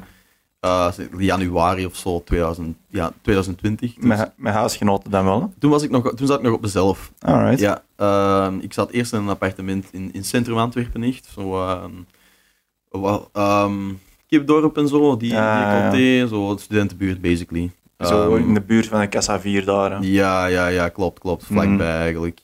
En toen heb ik daar gezeten. En dat was eigenlijk wel heel vet. Eigen plaats. Ik had ruimte voor, eh, ruimte voor een studio ook in te steken. Een, een living ineens voor je eigen, een slaapkamer voor je eigen. Dus dat was wel, wel echt vet. Hoppa, goed geregeld. Ja, voilà. En dan de eerste boekings die ik ook in Antwerpen speelde, was het cool dat ik niet helemaal naar huis moest rijden. Dan kon ik gewoon met de fiets gaan of zo. Dat was wel heel nice. Mhm. Ehm, het jaar begon heel goed. En dan komt Rampage. En ehm, ik weet nog dat wij de week van Rampage zelf ook echt rehearsals hebben gedaan met thuis. Dus ehm, ik, ik ging back-to-back spelen met Baystripper dan. En eh, met MC Skywalker. Dus die waren alle twee naar mij thuis afgekomen. Ik had vier CDJ's gefixt. Dat we heel onze set een keer konden doorspelen. Dus zien wat dat we gingen doen. Track selection een beetje checken en zo. Dat het echt top-notch was. Ja. We waren echt helemaal ready. En dan ehm, die week van Rampage zelf, zo dichtbij, beslissen ze ineens om alles dicht te gooien. Fuck, ik kan me niet inbeelden hoeveel pijn dat dat moet doen, ja. Dat was, dat, was, Dat is echt... dat was in het begin zo surreëel dat dat niet goed binnenkwam of zo. Ja. Dat je, want dat is, ik zeg het juist, dat is echt kinderdroom waar dat ze gewoon op gaan staan. Maar maar je, je bouwt daar zo lang naar op, Ja. zal ik maar zeggen. En dan komt dat dichter en dichter en dichter. En dat blijkt ineens werkelijkheid te worden. En je hebt dan zo dat punt dat je denkt van... Deze kan toch niet waar zijn? Je Ja. accepteert dat het dat wel waar kan zijn. Je bereidt dat helemaal voor. En dan is dat toch Ja, niet Ja, dat, dat, was, dat was een hele, een hele zure om te slikken. Langs de andere kant, en dat is iets waar ik me nog altijd aan blijf optrekken, het feit dat ik er mocht staan, Mhm. betekent ook heel veel voor mij. Ja, ja. Dat zelf doen natuurlijk zou, zou het perfecte zijn om, om het af te ronden of zo. Maar eh, ja, Je, je- ah ja, je kunt er nu al van uitgaan dat het ooit wel zal gebeuren. Maar het Ja. is wel even een zure appel of zo, zou ik Ja. zeggen. ja, dat is het 100%. En dat is het nog steeds. Niet alleen omwille van Rampage bijvoorbeeld, maar ik zeg nu bijvoorbeeld ook Tomorrowland of zo. Eerste Mhm. keer Tomorrowland spelen was ook heel vet geweest. En er Ja, en het is ook, gelijk, je had zeer waarschijnlijk al een stevige zomer voorbereid. ja, Wat dat optreden doet voor een artiest, dat, ah ja, dat is waar dat jij je publiek Mhm. mee bereikt, echt zal ik maar zeggen. Ja. Jij kunt jij op Instagram zitten, jij kunt jij- jij op Facebook zitten. Maar optreden is eigenlijk de meest close manier om bij je publiek te staan. Ja, en de, de hele eerste lockdown heeft ook de promotie van mijn, van mijn derde single ook gigantisch in het water doen vallen. Mhm. Ik heb, ik heb nul live promo kunnen doen of live campagne kunnen doen voor Bedroom My Own bijvoorbeeld. Die is, die is ehm 14 maart of zo, denk ik, gedropt. Dus net, Ja. net in de lockdown. Het was de bedoeling dat dat ook echt een, een festivalplaat ging worden. Ja, dat, we, dat ik daar echt gewoon mee, mee een, tour, allee, tourke gewoon, dat ik al mijn shows gewoon promo, Mhm. promo, promo, live shows. En ik weet nog dat het eerste weekend van, ehm, van, de, van de Rona, dat normaal gezien Rampage moest zijn, gingen we dan op Studio Brussel voor Rampage wel eh, nog een set spelen, maar dat was kei dubbel. Dat, Mhm. ik, ik, had daar, ik had daar eigenlijk achteraf, toen ik thuis kwam, viel ik zo echt in een zwart gat van ja, deze, deze was het niet. Ik had nu in het Sportpaleis kunnen staan en dat is gewoon echt niet gebeurd. En eh, ik, heb, ik heb dat zo, ik heb dat accepteren daarvan echt heel lang uitgesteld. Want dan bijvoorbeeld On My Own kwam er dan aan, wat ook een plaat was waar ik keihard naartoe had gewerkt en geleefd. Mhm. Omdat die plaat had ik, eh, die was voor mijn birthday bij al klaar wel. En dat was dan het derde hoofdstuk van, van die eh break-up saga. Ja, wat, wat ik er wel interessant aan vond, was, eh, je hebt tijdens een interview, ik weet al niet meer het welke, had je aangegeven dat Better on My Own, dat is pas na de emotie geschreven, of zo zou ik maar Ja, zeggen. ja, ja. Dat je er juist ook heel hard vertelde van die twee tracks, ik heb die geschreven op het moment dat ik die voelde, zou ik maar zeggen. Hoe was dat bij Better on My Own, om dat om te draaien? Dat, omdat dat eigenlijk... Ja, Mm, het, het, het, de grootste reden waarom dat ik Bedroom My Own graag wou doen, was omdat ik ehm, ook wou laten zien dat je situaties kunt ehm, te boven komen. Dat Mhm. het niet bij die twee dingen moest blijven. Het was meer... Er zijn verrassend veel mensen die naar mij hebben gestuurd van ik ga momenteel door dezelfde fase als dat jij ging toen met Come Back Home Mistakes. Ik kan mij keihard vinden in die lyrics. En op een gegeven moment had ik zoiets van, alright, dat is goed dat mijn plaat resoneert met mensen, maar ik wil ook dat die mensen ook kunnen beseffen dat, dat het niet allemaal negatief moet zijn. Dat je daar ook uit kunt geraken, dat je, dat je verder kunt gaan met je leven. Dat vond ik belangrijk om dat ook mee te geven. En toen heb ik wel bewust on the spot die lyrics geschreven, die dat dan Mhm. wel echt, die nog wel keihard met mij resoneerden ook, want dat was ook wel echt een fase waar ik was doorgegaan. Maar waar ik op die moment mijn moeite niet meer wou insteken. Omdat ja, vanaf dat je over die break-up bent en over die manische fase, dan maakt u dat allemaal niet meer uit. ja, ja. En op die moment heb ik die lyrics geschreven, gerecord, samen met de plaats. Dus dat was eigenlijk wel een vet proces om het eens allemaal te samen te doen. En dat schrijven en... Ja. Heeft, heeft dat iets veranderd voor u in de productie van de muziek, Mhm. zou ik maar zeggen? Om dat gelijk samen te pakken? Ja, ja, zeker wel. Omdat dat voor mij ook bewees dat ik dat, ik dat wel live on the spot kon doen. Mhm. Dus dat ik dat niet altijd vooraf moet doen. En dat het soms leuker is om op uw muziek mu- eh, lyrics te schrijven dan lyrics te schrijven en dan maar bij de muziek te plakken of zo. Ja, ja. Dat was wel dat was een heel ander proces van werken. En ik heb die plaat ook gewoon. Ik denk dat die vocals gerecord heb op het kot van een vriend van mij of zo. Ik had dan gewoon toevallig mijn microfoon bij en ik heb daar gewoon wat takes zitten doen en dan zitten editen. En ik was eigenlijk heel content van die plaat. En toen, omdat ik ook op Rampage ging spelen, kreeg ik ook, een, kreeg ik ook de vraag vanuit Rampage zelf van, wij hebben een label, wilt je dat graag bij ons doen? En ik had zoiets van, ja, ik heb mijn eerste plaat zelf gereleased, mijn tweede heb ik op Maggie G's een label gedaan. Waarom niet gewoon met nog een ander label? Dat maakte mij op zich niet zo heel veel uit. Ik ben bij niemand vastgetekend, dus ik heb Mhm. sowieso altijd de vrijheid om te doen wat ik, wat ik wil. En uiteindelijk had ik zoiets van, oké, ja, makes sense. Net zoals met Mackie G. Ehm, jij betekent deze voor mij. Rampage is iets waar ik heel erg naar opkijk, dus waarom niet? Mhm. En dan, ehm, ja, eigenlijk weer hetzelfde als met Come Back Home. Eigenlijk een heel goede campagne opgezet. Alles was eigenlijk ready. En op een gegeven moment staat daar en moet je maar improviseren om ervoor te zorgen dat je plaats zo goed mogelijk ontvangen wordt. En dat was wel moeilijk, want ja, ineens kun je geen live shows doen. Ik heb dan zo'n livestream gedaan van op mijn dek van mijn, van mijn appartement toen. Die was wel dope. Die was heel dik. Dat was echt een dope livestream. Ja, zeker omdat ik ook geen dek zat. Dus ik heb dat allemaal moeten programmeren met mijn Ableton, dat ik kon draaien met mijn MIDI-keyboard. Wat ook nog wel echt een challenge was. Dus dan, ik zei tegen JB van, ja, kom maar af naar mij en we gaan dat ze beat filmen.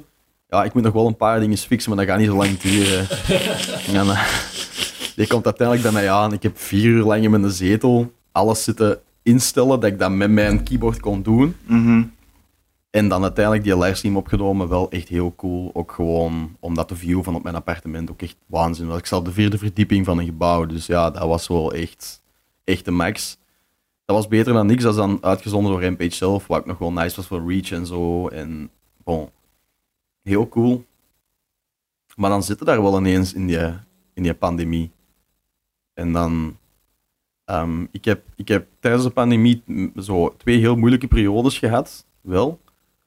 Eh, en de eerste daarvan, die was ja, zo april of zo, begin, of eind maart, zo echt het begin van een eerste echte lockdown. En is dat dan vooral omdat je artistieke ding gelijk on hold werd gezet? Of was dat meer een, een sociaal...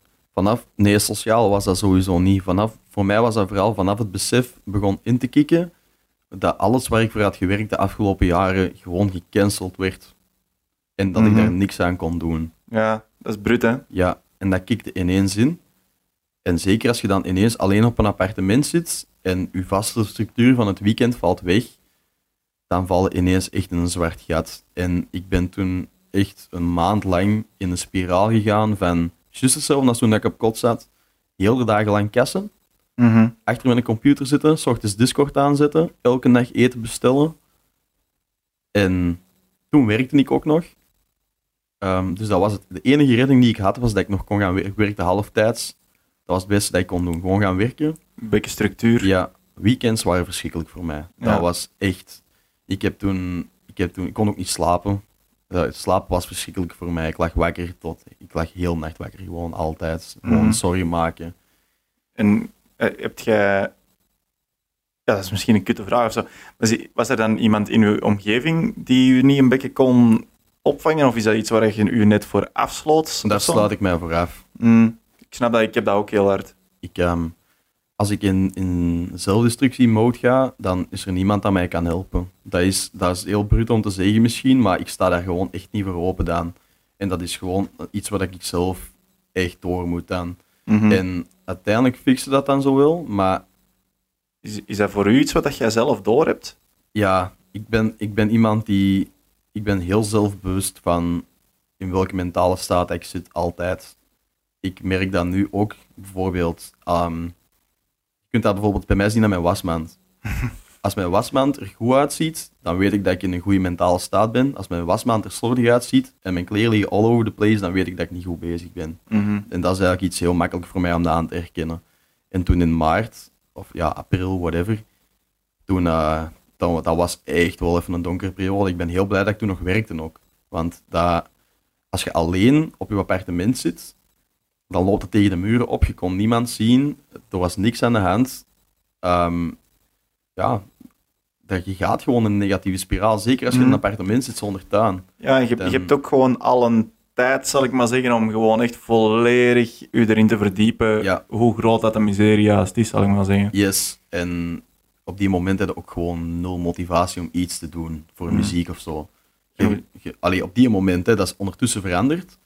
Maar, ehm, en uiteindelijk had ik, heb ik de grote chance gehad dat ik uiteindelijk beslist heb om met een paar vrienden van mij in een huis te gaan wonen. Mhm. En dat is mijn grote redding wel geweest. Dus vanaf, vanaf mei of zo dat jaar konden wij beginnen verhuizen en beginnen te verbouwen in dat huis. Wat echt fantastisch is geweest voor mij als project. Dat ik iets om handen had. En toen zijn we dat beginnen doen.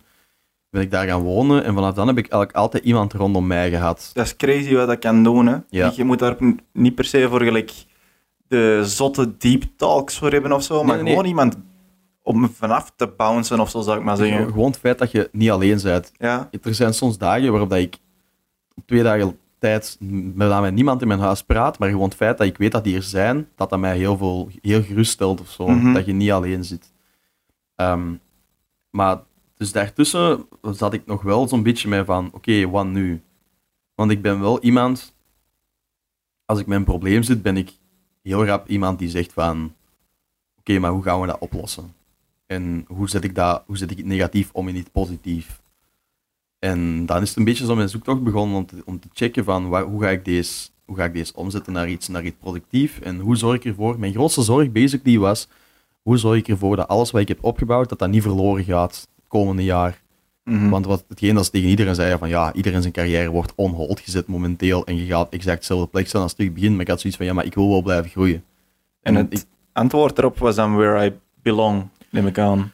Eh, ja, ja, uiteindelijk wel. Ik, ehm, eh, tijdens de zomervakantie, ehm, tijdens de zomervakantie heb ik, het, heb ik het nog eens een periode heel moeilijk gehad. Omdat je dan, ja, dan zit er ook echt zo met die realisatie van, oké, het tweede week van augustus, normaal gezien was het nu Pukkelpop. Eerste Mhm. week van juli, oh, normaal gezien was het nu weekend 1 Tomorrowland. Oh, I know. Ja, I en, know. en die festivals vrijden het dan ook allemaal in door elke keer een livestream te doen. En er altijd van die emotionele posts van Ja. we'll see you next year. Dus je ontsnapt er niet aan. Ja, nee, nee, nee, nee. Sowieso, zeker niet als je in dat wereldje zit, want Nee. dan volgen die ook allemaal. Voilà. En dat zijn, er zijn heel veel periodes geweest in het afgelopen jaar waarin dat ik echt gezegd heb van ik, ik leg mijn Instagram aan de kant voor een paar dagen, want deze, Mhm. deze brengt me nergens. Toch goed, hè? Ja, fantastisch. Fantastisch. Dat is soms het beste dat je kunt doen. En de, de, de meest happy periodes waar ik doorga als persoon zijn de periodes waarin ik mijn gsm niet vast heb. Mhm. Dat is iets wat ik gemerkt heb.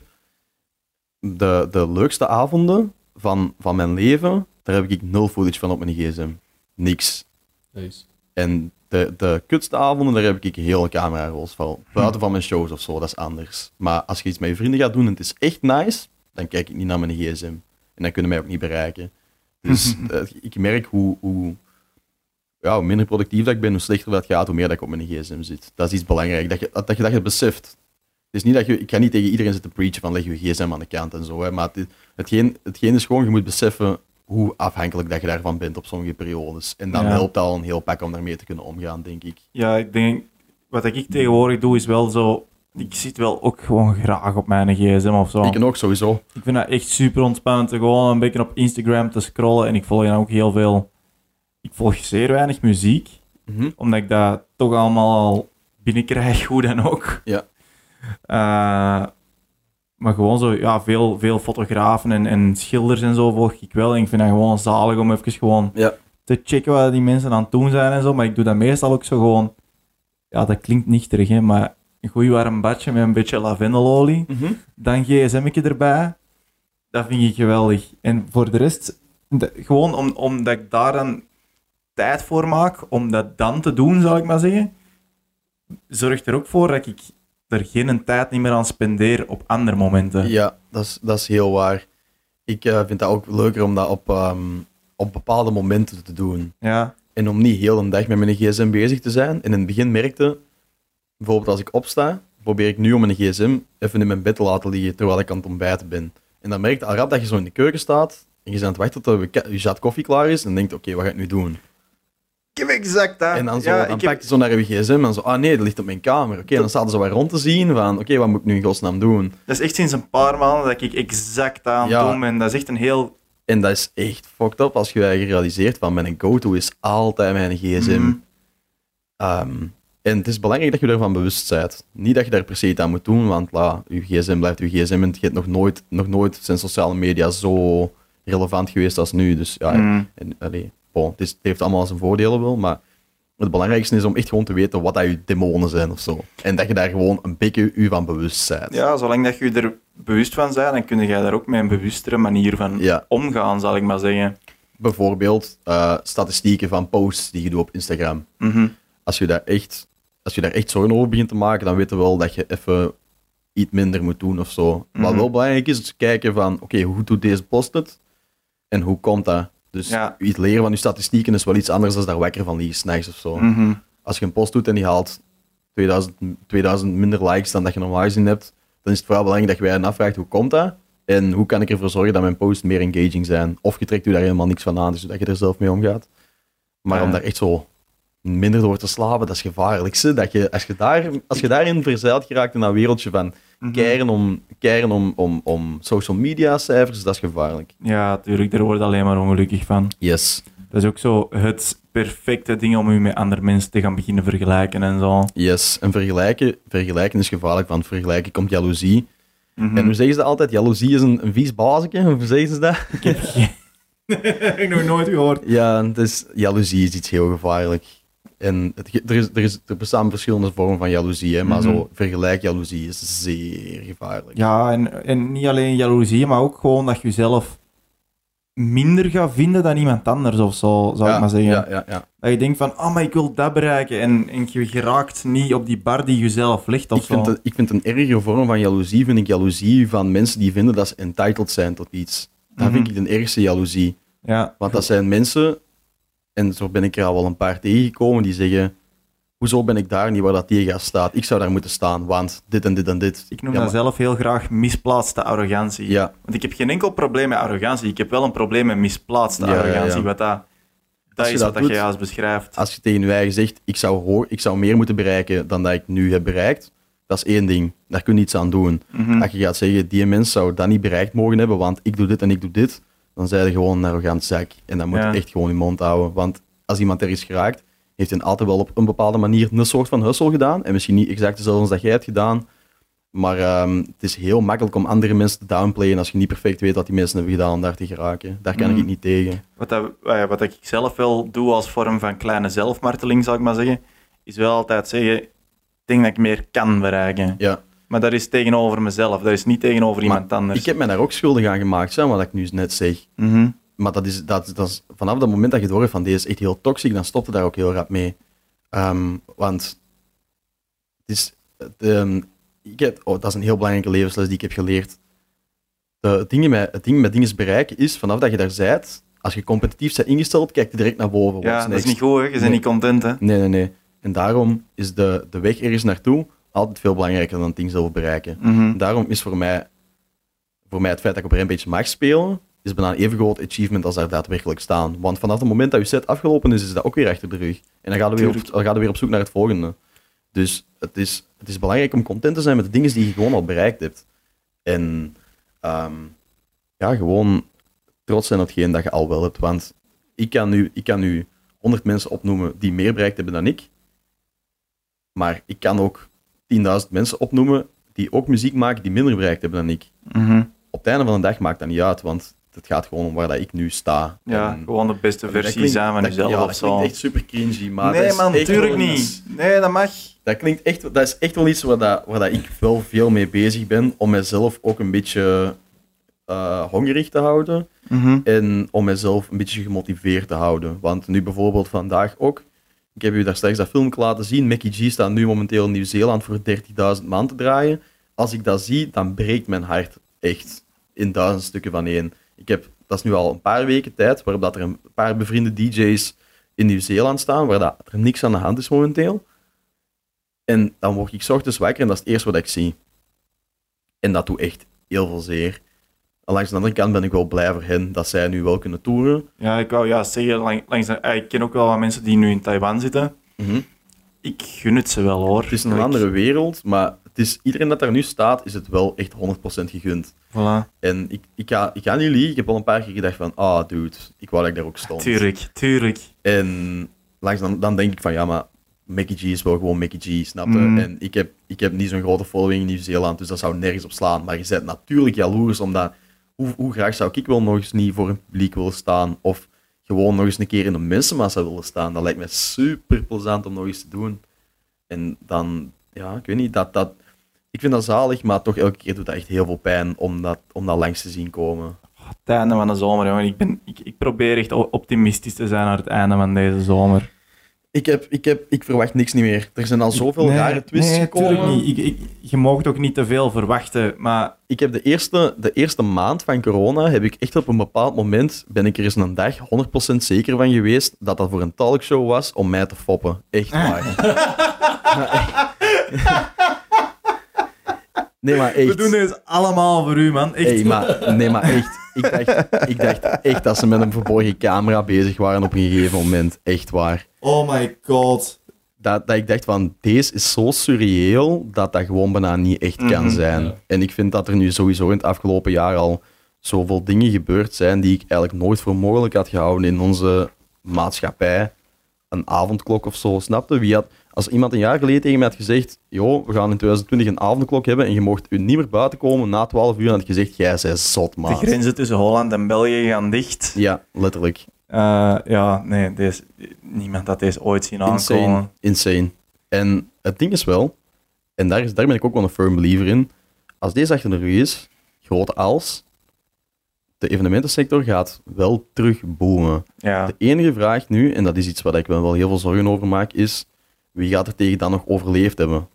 Want dat is nu wel even het ding voor iedereen in onze sector. Wel volhouden en zien dat je ergens geraakt en dat je kunt overleven tot het moment dat je terug je job kunt doen. Dat is aanwezig toch niet blijven. evident. Aanwezig blijven, podcasts doen, livestreams, Dat is iets... Muziek uitbrengen, Ja. online aanwezig zijn. Dat, dat is niet hetzelfde. Hè? Tuurlijk is dat niet hetzelfde, maar dat is het enige wat je nog kunt doen. Ik vind het wel zot dat ik er wel in geslaagd ben om ondanks de Rona wel nog steeds te blijven groeien. Ja, En dat is iets dat ik eerst niet had gedacht en daar ben ik wel blij om. Dat is, ik ben blij dat ik dat heb kunnen omzetten in iets positiefs met die, ehm, met die Where I Belong bijvoorbeeld. Dat, ik, dat was eigenlijk ook, dat was ook weer een heel persoonlijke plaat. Ehm, dan, goh, wanneer heb ik die plaat geschreven?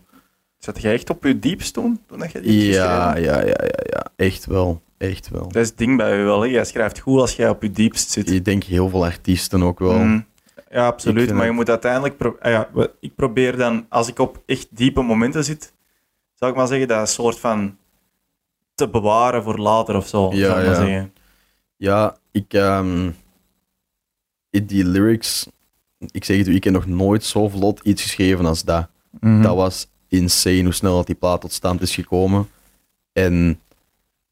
ehm, het, het ding was ook, in die plaat ga ik veel meer lyrical dan dat ik al ergens anders dat heb gedaan. En dat was voor mij weer een nieuwe vorm van mezelf blootgeven, omdat ik daar eigenlijk al bijna als een soort van MC Mhm. in mijn, in mijn eigen verses ga beginnen doen.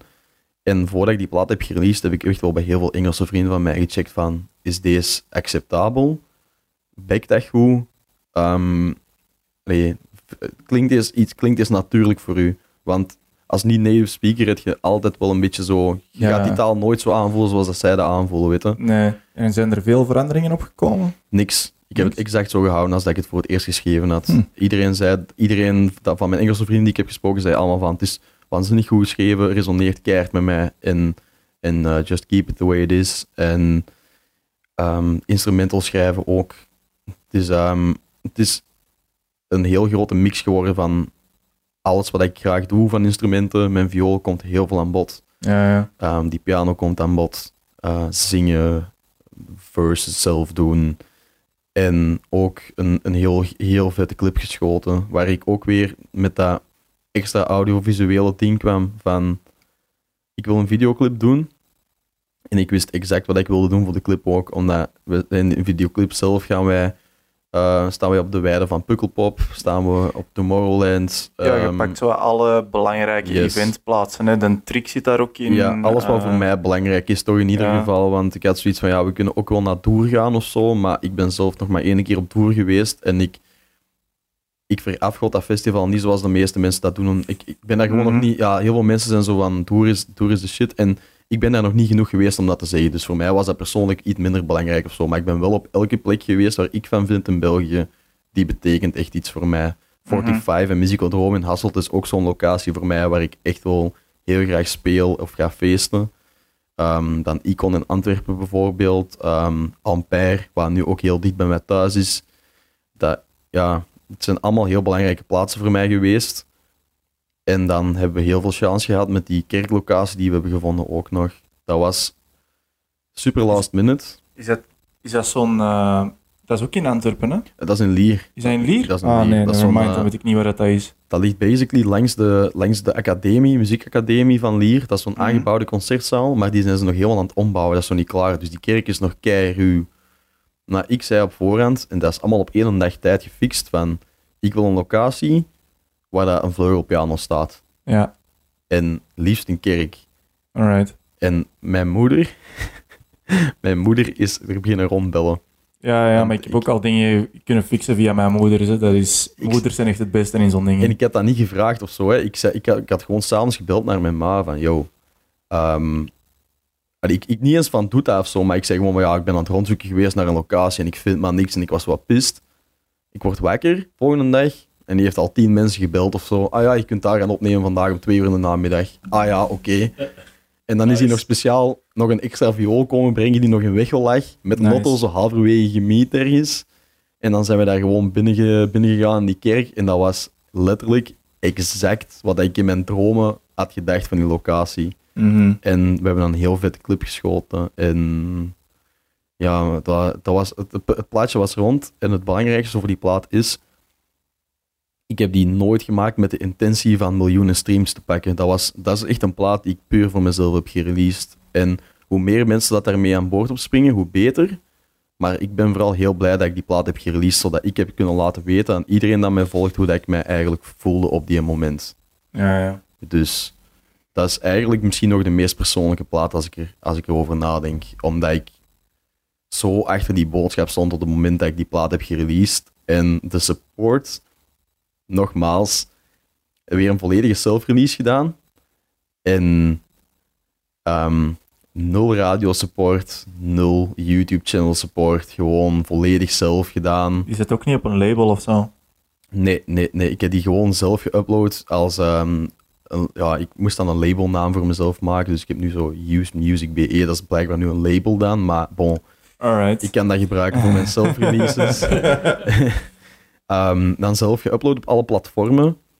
Ehm, en ehm, de eerste dag, s'avonds, kwam die uit op 23 december, middernacht. Ehm, en dan zaten wij met heel de, de hele huisgang in de zetel de film te zien. En dan middernacht kwam die plaat uit. En ik had voor de, voor de plaat uitkwam, had ik weer zo'n video gemaakt als Come Back Home. Die weer redelijk viraal is gegaan. Die had, ja, eh, hoeveel views? Ik weet eigenlijk niet meer hoeveel views dat hem had. In ieder geval zo, like, 9000 likes of zo, denk ik. Wat insane is voor mij, want ik heb, like, 11.000 volgers of zo. Dus ja, dat is... Ja, dat is al een stevige reach dan wel. Follower-like ratio is dat best, best dik. Ehm, dan Nathan Acid had die video dan ook nog gedeeld op zijn story, wat ook Mhm. wel vet is. Die, die, die volgt mij nu ook al, allee, we kennen elkaar nu ook al een paar jaar. En dat is ook weer zo iemand van die mensen dat dingen voor je doet zonder dat je erachter moet vragen of zo. Ik weet niet wie dat is. Dat is een YouTuber. Dat is, Ja, eh, ik wil aan het denken, volgens mij heeft dat iets met YouTube te maken. of yes, zo. Dat yes, yes. Dat is eh, de grootste, nee, niet, ja, de grootste Belgische YouTuber. Oh, kijk, ik ben, ik ben, ik ben weer keigoed mee. Ja, ja, ja. de- die, eh, ja die, eh, die doet al fucking lang YouTube. En vroeger ehm, ging die ook nog wel af en toe naar jump-up feestjes en zo. Mhm. En ehm, ik keek toen zijn video's net en had ik zo eens een keer gestuurd van, ik moest dan op Invaders Festival spelen of zo, had ik gestuurd van, yo, als je guestlist wilt of zo, want ik vond zijn video's kei vet, dan, dan zei ik van, ja, kom, kom maar mee dan. En dan zei hij van, ja, sure, geen, geen probleem. En dan eh, was hij daar en dan hebben we elkaar zo al leren kennen, blijven volgen. En nu stuurt hij me, abso- nu stuurt hij me soms nog zo'n bericht van, yo, muziek is super vet en zo. En dan deelt hij dat. Nice. En dan, hij heeft echt, ik weet hoeveel volgers heeft die mens, like 200.000 of zo op Instagram. Als die u gewoon ergens in tagt, ik zeg u, die deelt die video op zijn story, binnen een dag 1000 volgers erbij of zo. Nice. No spang. In, van, ik vind, ja, dat is een van de redenen waarom die video ook het ook zo goed heeft gedaan. Ehm, en soms is er maar één iemand dat gewoon moet zeggen van oké, ik gun u deze. En dan, snap je, dat is ook weer gewoon chance hebben. Ik zou daar nooit achter vragen. Mhm. In ieder geval, die video doet het goed. Dat is weer zo'n video waarin ik gewoon alles zelf doe. Uh, deze keer in mijn living. Iets beter gefilmd met een deftige camera. En uh, uh, ja, weer viool spelen, zingen. Een beetje een creatief proces laten zien van hoe, hoe, dat, hoe dat ik die plaat maak. Mhm. En dat was weer een mooie aansprong dan voor de campagne. Dus deze keer was dat wel bewust, want met Come Back Home was dat ja, weer gewoon een, toevals, een toevalstreffer gewoon. En deze keer was het echt wel van, oké, we, gaan die, we gaan die video een week posten voordat de plaat uitkomt. En dan weer gepland uh, dinges, dinges posten en zo. Instagram is wel mijn main plaats voor aan mijn content. Ik weet niet of dat, welke dat Gil het meest gebruikt, maar Facebook gebruik ik nooit meer. Facebook is semi-dood voor mij. Ja, ik, ik ga ook maar alleen uit van de dingen die ik zelf gebruik. Dus ik weet ook niet of dat, dat super correct is of zo. Uh-huh. Maar ja, ik zit het meeste op Instagram. Dus ik Uh, ja. promote het liefste via Instagram. Hetzelfde bij mij. Ik heb het gevoel dat niemand nog op Facebook zit. De enige dat- reden waarom dat ik Facebook niet wou verwijderen is voor evenementen. Ja, maar aangezien er toch geen evenementen Mm. zijn, momenteel passeer ik gewoon niet meer op Facebook, enkel Ja. Messenger. Ja, voor Ja, mij ja. is Facebook nog wel handig voor zo groepen en zo. Gelijk. Mm. Ja, groepen in Messenger. En tweedehands shit. Ja, maar dat is echt, want wij, wij, Ja, wij moeten voor ons video ook eens vaak decors en zo maken. En dan, dan, dan zo'n antieke kast nodig en zo. Ja. Vind dat maar eens, hè. Dat is, Facebook. dat is fantastisch Qua handig zo. daarvoor. Qua effectief content bekijken is het bij mij puur Instagram. Ja, ja, ja. ja. Instagram en YouTube. En YouTube, Hangt ja, van de vorm Ik kijk ook veel YouTube. Ik kijk nooit longform op Instagram. Nee, inderdaad. Nee. Dan moet ik ook... Nee, maar u, eh, je merkt ook heel erg dat je attention span zo kort is geworden. Ja. Ik kan, Mm. als ik na drie seconden bij een video niet zoiets heb van deze wil ik verder kijken, dan scroll ik gewoon door of zo. Crazy. Of het Ja, moet iemand zijn die ik echt volg. Het hangt er vanaf. Gelijk, als ik op, in een YouTube-vibe zit, zal ik maar zeggen. Als ik zo gewoon s'avonds wat filmpjes aan het checken ben. Zo, ik heb ook wel echt mijn kanalen dat ik volg, zou ik maar zeggen. Ja, sowieso. Ik vind het altijd leuk om dan een dag gewoon in uw nest liggen of in de zetel zitten en uw subbox te kunnen checken en gewoon nieuwe Mm. video's te zien. Dat vind, ik, dat vind ik fijn. Wat kijkt je vooral? Is dat gelijk heel veel muziek gerelateerd? Nee, niks muziek gerelateerd. Niks muziek gerelateerd. Ik vind dat fijn om dat uit te kunnen zetten soms. Ik, eh, Ik ik snap kijk, dat helemaal. Ik heb Ja. ook echt niks video of muziek gerelateerd op mijn Mhm. YouTube-feed. ik, eh, nee, eigenlijk heel random content. Ik volg bijvoorbeeld zo'n dude die, ehm, die eh, BMX-vlogs maakt. Ik ben totaal niet geïnteresseerd in BMX'en of zo. Maar de manier waarop hij zijn vlogs... Dat is zo'n typisch New York boy, basically. En die doet dan zo wat Casey Neistat-achtige vlogs. Ik kijk, ik weet niet hoe graag, elke dag gewoon omdat dat leuk geëdit is. Omdat ik fijn vind om te zien dat hij zo'n dag geweest is. Dat is ik weet niet hoe weird om zo... Ja, ja, nee, maar dat, dat is gewoon even turning off. Hè. Ja, voilà. exact hetzelfde met skatevideo's. Ja, Dat voilà. zijn kabel... Ja, skaters dat ik kijk op YouTube gewoon puur. Ik kan zelf niet skaten, maar ik vind dat leuk om naar te kijken. Ik heb wel echt zo eens een Treasure-periode gehad, waarin dat ik gewoon alles van Treasure gekeken had. Zo al die, al die half meets en zo, en, en al die filmpjes. Maar ik ben eigenlijk zijn ook helemaal geen veel skater. woorden in ene zin dat ik allemaal niet begrijp, jongen. Dat Ja, skaten gewoon, skaten. Gewoon Ehm, leuk om naar te kijken. en voor de rest, ja, ik, eh, gameplay-video's of zo ook. Kijk jij naar Hermitcraft? Eh, nee, nee, Ah, nee, jongen, nee, dat is supergoed. nee. Nee, eh, ik kijk wel nu met... Ik heb heel veel Among Us content Ja, gekeken ja. wel. Er zijn zo'n paar... Mm. Paar Twitch-streamers die, ik, eh, die ik heel fijn vind om Among Us content van te kijken. Ook al speel ik dat spel nu zelf niet meer. Kijk jij ook live op Twitch? Ah, heel soms. Maar dan is het meestal wel eh muziek gerelateerd. Mm. Bijvoorbeeld als Disclosure een keer live is op, eh, op Twitch of zo, dan kijk ik. Of Fox Stevenson. Gewoon omdat ik dat fijn vind om die gasten bezig te zien. Maar dan is dat nooit langer dan 10 minuten. Ik vind dat niet fijn om niet... Ja, controlefreak tijd weer al. Ik vind dat niet fijn om niet te kunnen skippen als ik daar goesting in heb of zo. Snap je? Ik kan niet Ja, zo eh, urenlang achter mijn computer zitten kijken. En... Ik snap dat, maar vanaf een bepaald punt ben ik erover of zo. Mhm. Dan heb ik zoiets van: oké, ik kan niet skippen. Het, het is gedaan, ik kan niet skippen, maar ik wil wel kijken. Ja. En dan wordt het eigenlijk heel relaxerend, omdat ik dat dan heb opgegeven of zo. Wat ik wil soms op Twitch nog kijken is zo CSGO matchen of zo Mhm. live. Dat vind ik wel fijn om te checken, gewoon omdat ik dat spel heel veel heb gespeeld. Maar over het algemeen, in periodes waarin dat ik druk bezig ben, ehm, kijk ik er over het algemeen niet heel veel YouTube of Twitch of zo. En is Mhm. Instagram is wel mijn main go-to voor content. En dan merk je ook wel dat je rap in zo'n rabbit hole terechtkomt, waarin dat je maar aan het scrollen bent en doorklikken en doorklikken. En ja, Ehm we zijn weer echt gigantisch gesidetracked. Eh, Dat mag. De, de- we waren, het, het laatste relevante dat we hebben gezegd was ehm, Where I Belong, dat je een videoclip ah, ja, ja, ja. eh, had Wanneer afgerond en jij- daar. Wanneer in de lockdown het zo echt een moment gaat van... Oké, fuck it, ik ga gewoon terug volledig muziek beginnen maken? Of... Eh, ah, dat was in, eh, in juni. Want in juni, en dat was eigenlijk... Eigenlijk heb ik echt een verschrikkelijk jaar gehad. Niet alleen, niet alleen omdat ik in shows mocht spelen, maar ook omwille van het feit dat ik heel veel malchance heb gehad nog daarbuiten, ook professioneel. Ik, eh, zoals dat ik al gezegd heb, ik heb heel lang gewerkt, echt shitty jobs gedaan.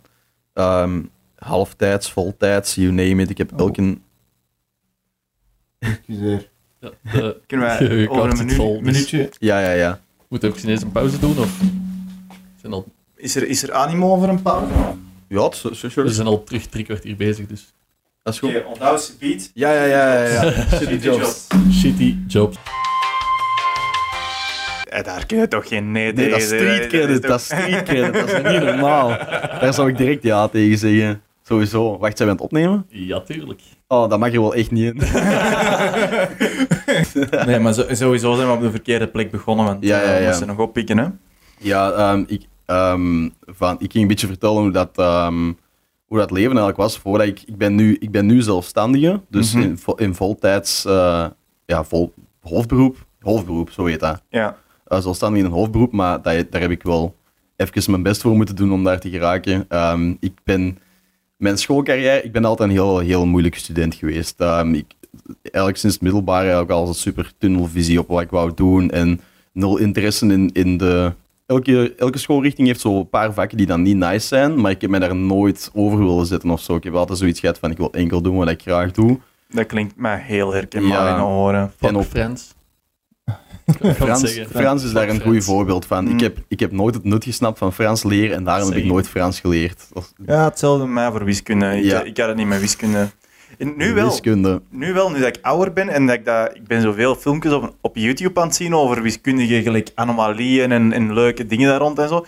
Nu vind ik dat heel plezant, maar de tweede graadsvergelijkingen en Nee. zo in het middelbaar, fuck die shit, ja, ja, ja. Veel van die vakken worden gewoon fout gegeven. Ja, sowieso. Blijkbaar, sowieso. ja. Ik moet wel zeggen, eigenlijk begint mijn hele verhaal ik wil doen eigenlijk wel met dat een beetje. Ehm, ik heb mijn eerste twee jaar middelbaar Latijn gedaan, omdat ik niet beter wist. Allee, Mhm. ik, kwam, eh, ik kwam van lagere school en ik had wel altijd goede punten, maar ik deed, ik deed geen klop. Dus ik had zoiets van, ah, het- ik wil wel Latijn gaan doen, want dat, dat klonk zo wat prestige voor mij. Weet je, oh, Latijn gaan doen. Bon, ik ga naar, eh, ik ga naar school, naar een school. De eerste twee jaar zat ik daar en ik was wel de enige die niet van de buurt was daar.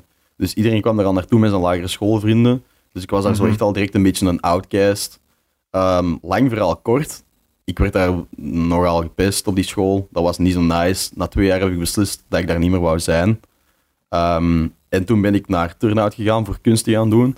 En vanaf het moment dat je in kunst aankomt, worden ineens volledig geaccepteerd. Dan kun je dragen wat je wilt, dan kun je eruit zien als dat je wilt. Je gaat altijd wel iemand tegenkomen dat je accepteert. Mhm.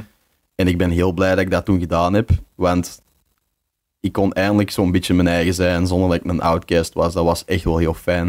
Ik was toevallig niet hebt gezegd. Jawel, jawel. we zijn elkaar al zoveel gekruist. Ja, Kunstbende. ja, ja, ja, ja. Ja, nee, ik heb daar ook gezeten. No Inderdaad. disrespect, no disrespect naar de school. Een Maar- beetje. Maar ehm, ik was daar echt niet graag. Nee, dat is een heel strikte school ook, hè. Gelijk Ja. met kleding, voorschriften en zo. Ja, En- maar dat was zo de periode waarin dat je, als je daar op school zat, moesten zo Jack and Jones en Superdraai dragen, want anders hoorde er niet bij. Ik heb mij er altijd tegen afgezet tegen die gasten. Ah, wel, ik, en ik ik- zag die ook Ik heel durfde veel. dat niet. Ik Ja. durfde dat toen niet, omdat ik er zo graag bij wou worden, omdat ik geen vrienden had. En Mhm. ik, ik begon toen ook vol een bak gewoon proberen om zoveel mogelijk Jack and Jones kleren te kopen, bijvoorbeeld. Gewoon omdat ik dan iets had waarmee dat ik misschien zou kunnen connecten. En achteraf bekeken had ik dat beter misschien niet gedaan en had ik daar misschien niet zo gepest geweest of zo. I don't know. Ik heb daar veel over nagedacht achteraf. Ik heb dat ook wel een plaats gegeven, maar dat was echt wel geen fijne periode voor mij. Zo. nee, ik snap dat helemaal. Dat, je er, eh, dat, dat, dat kan ook heel overweldigend zijn op die leeftijd. Ja, Kleine- Kinderen van die leeftijd... eh, Kinderen zijn meedogenloos. Dat zijn echt roofdieren die het de zwakste prooi eruit pikken. En, en gewoon zonder genade doorgaan. Dat is gewoon zo. En als je Mhm. jezelf een keer in het centrum van zo'n ding bevindt, dan beseft je dat pas. En dat heeft mij wel, wel heel hard sterker gemaakt. Dat is zo weer iets super typisch om te zeggen. Maar ik ben daar wel buiten gegaan die school en gedacht van... Alright, nu niet meer. Mhm. En ik- toen ben ik ook heel veel beginnen lezen in die periode. Er was zo'n een boekenclub op school waar je tijdens de middag kon gaan lezen. En uiteindelijk wou ik niet meer op de speelplaats zijn, dus ging ik altijd naar die boekenclub om te gaan lezen. En toen ben ik eigenlijk ja, vol een beginnen lezen. Gewoon. Dat was een beetje mijn escape toen. Ehm, anyway, ik ging naar, naar kunst. Veel toffer. Ik heb daar op mijn tweede schooldag vrienden gemaakt, die nu nog altijd mijn beste vrienden zijn. Dat waren ook mijn eerste vrienden die ik ooit heb gehad.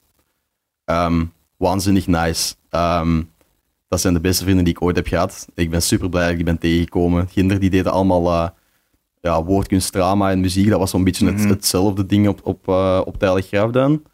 En ehm, ja, ik ben heel blij dat ik naartoe ben gegaan. However, er is altijd een keerzijde van naar zo'n kunstschool gaan. Hetgeen dat je altijd doet, en dat is iets dat mijn ouders ook toen tegen mij zeiden, van kijk joh, als je naar het kunstonderwijs gaat, doet je wel deuren voor je eigen dicht. Naar het hoger onderwijs toe. Ja. En op die, je moet weten, op het moment dat ik naar kunst ging, had ik nog niet de ambitie om DJ te worden of om, om, om drum and bass artiest te worden. Dat was gewoon van, ik weet niet wat ik moet doen. Ik wil niet meer in de algemeen ah, in de ISO zitten. Mhm. In mijn hoofd was alle ISO slecht, omdat ik op, op die school dan zo'n slechte ervaring had gehad. Dus ik dacht, ik ga naar kunst. Mijn ouders zeggen, je doet deuren dicht. Niet te veel over nagedacht. Wow, je bent 14, 15 jaar oud, daar zeg je bent daar niet mee bezig. Tuurlijk niet. Dus, en dan kom je daar terecht in KSO. Heel nice. Nou, Ik was nog steeds een slechte student, maar ik weet wel dat de vakken die ik graag deed, dat ik daar wel echt veel mee bezig was. Daar scoorde ik ook altijd heel goed in. Maar wat, zijn de deuren dan dat je voor jezelf hebt dichtgedaan? maar Vanaf dat je bijvoorbeeld naar KSO gaat, ik heb in heel mijn middelbaar, sinds het derde middelbaar, nooit meer dan drie uur wiskunde per week gehad. Ja. Dat is een, dat is een deur die je bijvoorbeeld voor jezelf dicht doet. Maar Want, is, is dat iets waar dat je daarna geconfronteerd bent ja, geweest. Ja, ja, echt wel. Niet dat ik dat erg vond, maar dat je, je op den duur beseft je wel van ik heb wel deuren voor mezelf dicht gedaan, omdat ik ook weet dat ik achteraf dat nooit meer zelf zou willen inhalen of zo. Want Mhm. uiteindelijk, dat is een heel belangrijke, je, je, je zit daar dan op die school en je haalt een diploma. Dus je hebt een middelbaar diploma op zak. Ik heb er dan een jaar langer over gedaan dan dat nodig was, whatever. Je gaat daar buiten. Ehm, maar in mijn hoofd was, ik had zoiets van, oké, ik ben nu klaar met kunst, maar ik ga gewoon verder in de kunst. Bij mij was het direct van, ah, ik ga naar PXL. Ik, had, ik heb daar eigenlijk nooit echt over nagedacht. En achteraf bekeken, had ik daar misschien meer research naar moeten doen of zo. Maar ik Ja, had, ja. ik had niet het gevoel dat wij op school goed voorbereid werden op het hoger onderwijs. Ik had nul idee. Ik wist oprecht niet dat je met je middelbaar diploma eender welke richting kon gaan studeren buiten geneeskunde. En welke richting is er nog dat je ingangsexamen. Ah ja, voor muziek zelf. Dat is het Ah, ding. Ja, in PXL. ja, ja, ja. maar dat kon ik. Ik, eh, ik had zoiets van, ik ga naar PXL.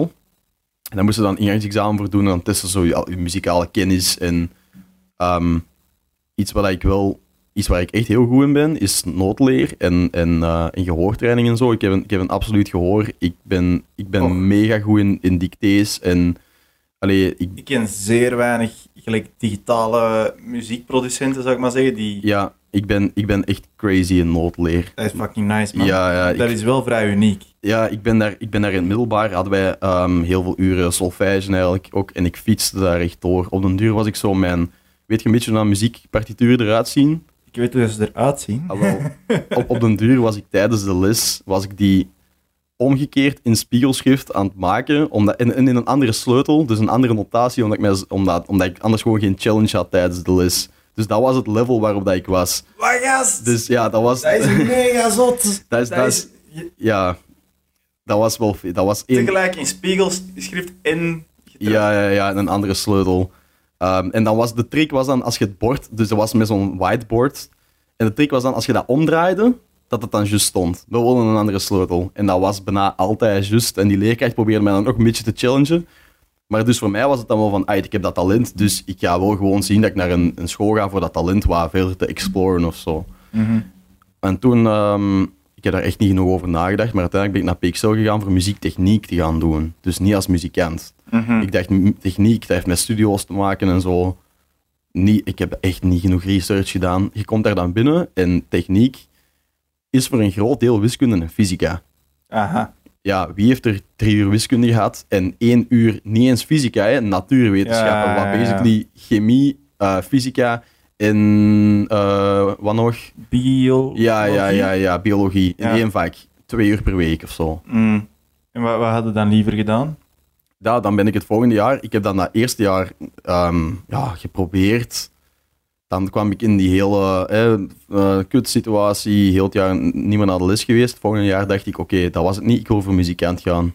Dus toen heb ik terug ingangsexamen gaan doen. Weer al, want dat is, dat is best moeilijk om daar... Voor muzikant is dat best moeilijk om door te geraken, omdat ze hebben maar x aantal spots beschikbaar per instrument. Ja. Dus voor zang hebben ze... Ze hebben voor elk instrument vijf spots of zo per jaar. Welk instrument heb je dan gegaan? Elektronica.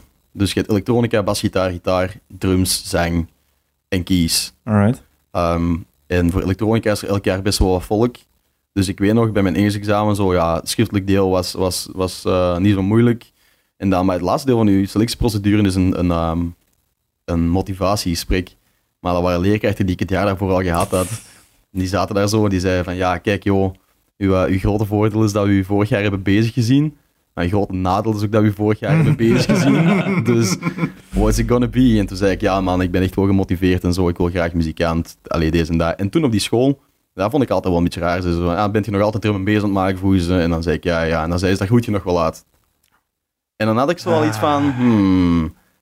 Als jij, snapte? Dat, en Ja. dat is wat ik, dan kom ik weer terug bij wat ik al zei. Als je niet 100% gelooft in wat ik doe, dan heb ik het al een beetje moeilijk. Ja, Ja, ik had zoiets van, ja, school, weet je wat. Eh, you do you. Eh, maar ik begin daar dus aan die school. En ehm, op zich heel interessant. Echt waar, heel interessant. Je krijgt daar muziekgeschiedenis. Ehm, wat ik wel nice vond, om een beetje gewoon te leren hoe dat popmuziek in elkaar zit en zo.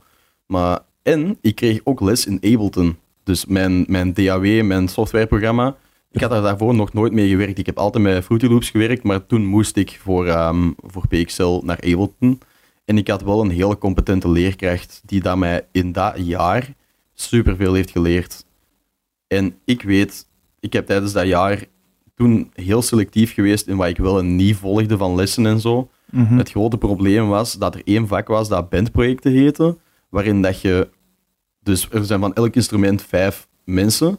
Mhm. Dus ze vormen om de zoveel weken een nieuwe band van vijf andere mensen van vijf verschillende instrumenten. Ja, En dan krijg je een muziekgenre opgelegd en dat moet je dan spelen tijdens die periode van die weken. oké. dus- Mijn grote probleem, en dat is ook wel een beetje een tekortkoming voor mij, was dat ik zo'n tunnelvisie had op mijn muziek, dat toen dat we bijvoorbeeld Mercy Beat moesten doen, basically de Beatles dus, Mhm.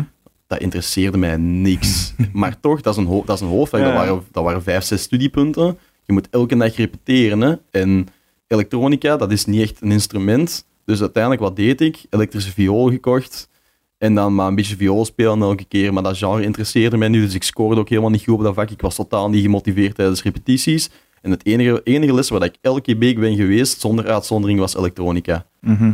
En na een jaar reflecteerde ik dan zo'n beetje van wat heb ik nu eigenlijk geleerd. Je leert ook wel veel dingen over, eh, over de industrie en zo. Je hebt wel vakken die je een beetje voorbereiden op de business side of things. En je hebt ook nog steeds, had dan nog steeds solfège ook wel, Mhm. maar dan op een popmanier. Dus dat was ook nog wel redelijk nieuw voor mij. Akkoorden herkennen en zo, dat was iets dat ik daarvoor niet had gedaan in klassieke solfège. Dus dat was nog wel wat anders. En op het einde van het jaar, of ja, richting het einde van het jaar, reflecteerde ik weer zo'n beetje van eigenlijk, eigenlijk interesseert deze mij ook niet ik had een Ableton wel geleerd waar ik wou leren, dus eigenlijk was ik content. Mhm. En toen heb ik gewoon beslist van, weet je wat, ik stop er gewoon mee, fuck it. Ik ga, ik ga het zonder doen. En spijt van gaat erna? Ja. Ja? Ja. Nu, ja, nee. Dat is wel een belangrijke nuance die ik wil maken. Want dat, dat was 2019. toch? Ehm, dat was, nee, dat was eerder nog zo. Dat was dat 2000 eerder? 2018 volgens mij. Alright. Of schooljaar 2017, 2018. Maar dan waren jij al wel goed bezig, zou ik maar zeggen, toch? Nog nee, totaal nog Nee? niet. Nee, het enige wat ik had was een Sava. Ik was Sava goed bezig of zo. Binnen, binnen de context van nu was ik totaal nog niet relevant of zo. Mhm. Het enige wat ik had was gewoon mijn, mijn droom. Deze is wat ik wil doen. Ik wist ook 100% dat dat is wat ik wou doen. En toen ben ik gestopt met school. En dan ben ik beginnen werken. Want bij mij thuis zei ze ook van ja, kijk joh, of je gaat naar school of je werkt. Je gaat niet, je gaat niet op je luie kloten thuis zitten. Mhm. Wat kei normaal is voor ouders om te zeggen trouwens. Uiteraard. Ehm, en dus ja, wat doe je dan zonder diploma op de arbeidsmarkt? Dan begin je als arbeider overal ehm, jobjes te zoeken, interims. Ik heb eh, toen een paar maanden direct bij Nike gewerkt.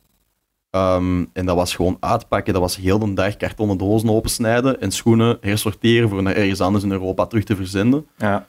Dat was wel een grote reality check voor mij. En heel belangrijk, heel belangrijke fuel geweest voor mij om nog veel harder te gaan voor wat ik wou doen. Ik ben heel blij dat ik dat heb gedaan achteraf gezien. ja, ik wou juist zeggen, dat, dat klinkt mij kut in de oren, maar dat klinkt mij ook best wel waardevol in de oren. Je komt, je komt als een luie kloot uit dat schoolsysteem. Mhm.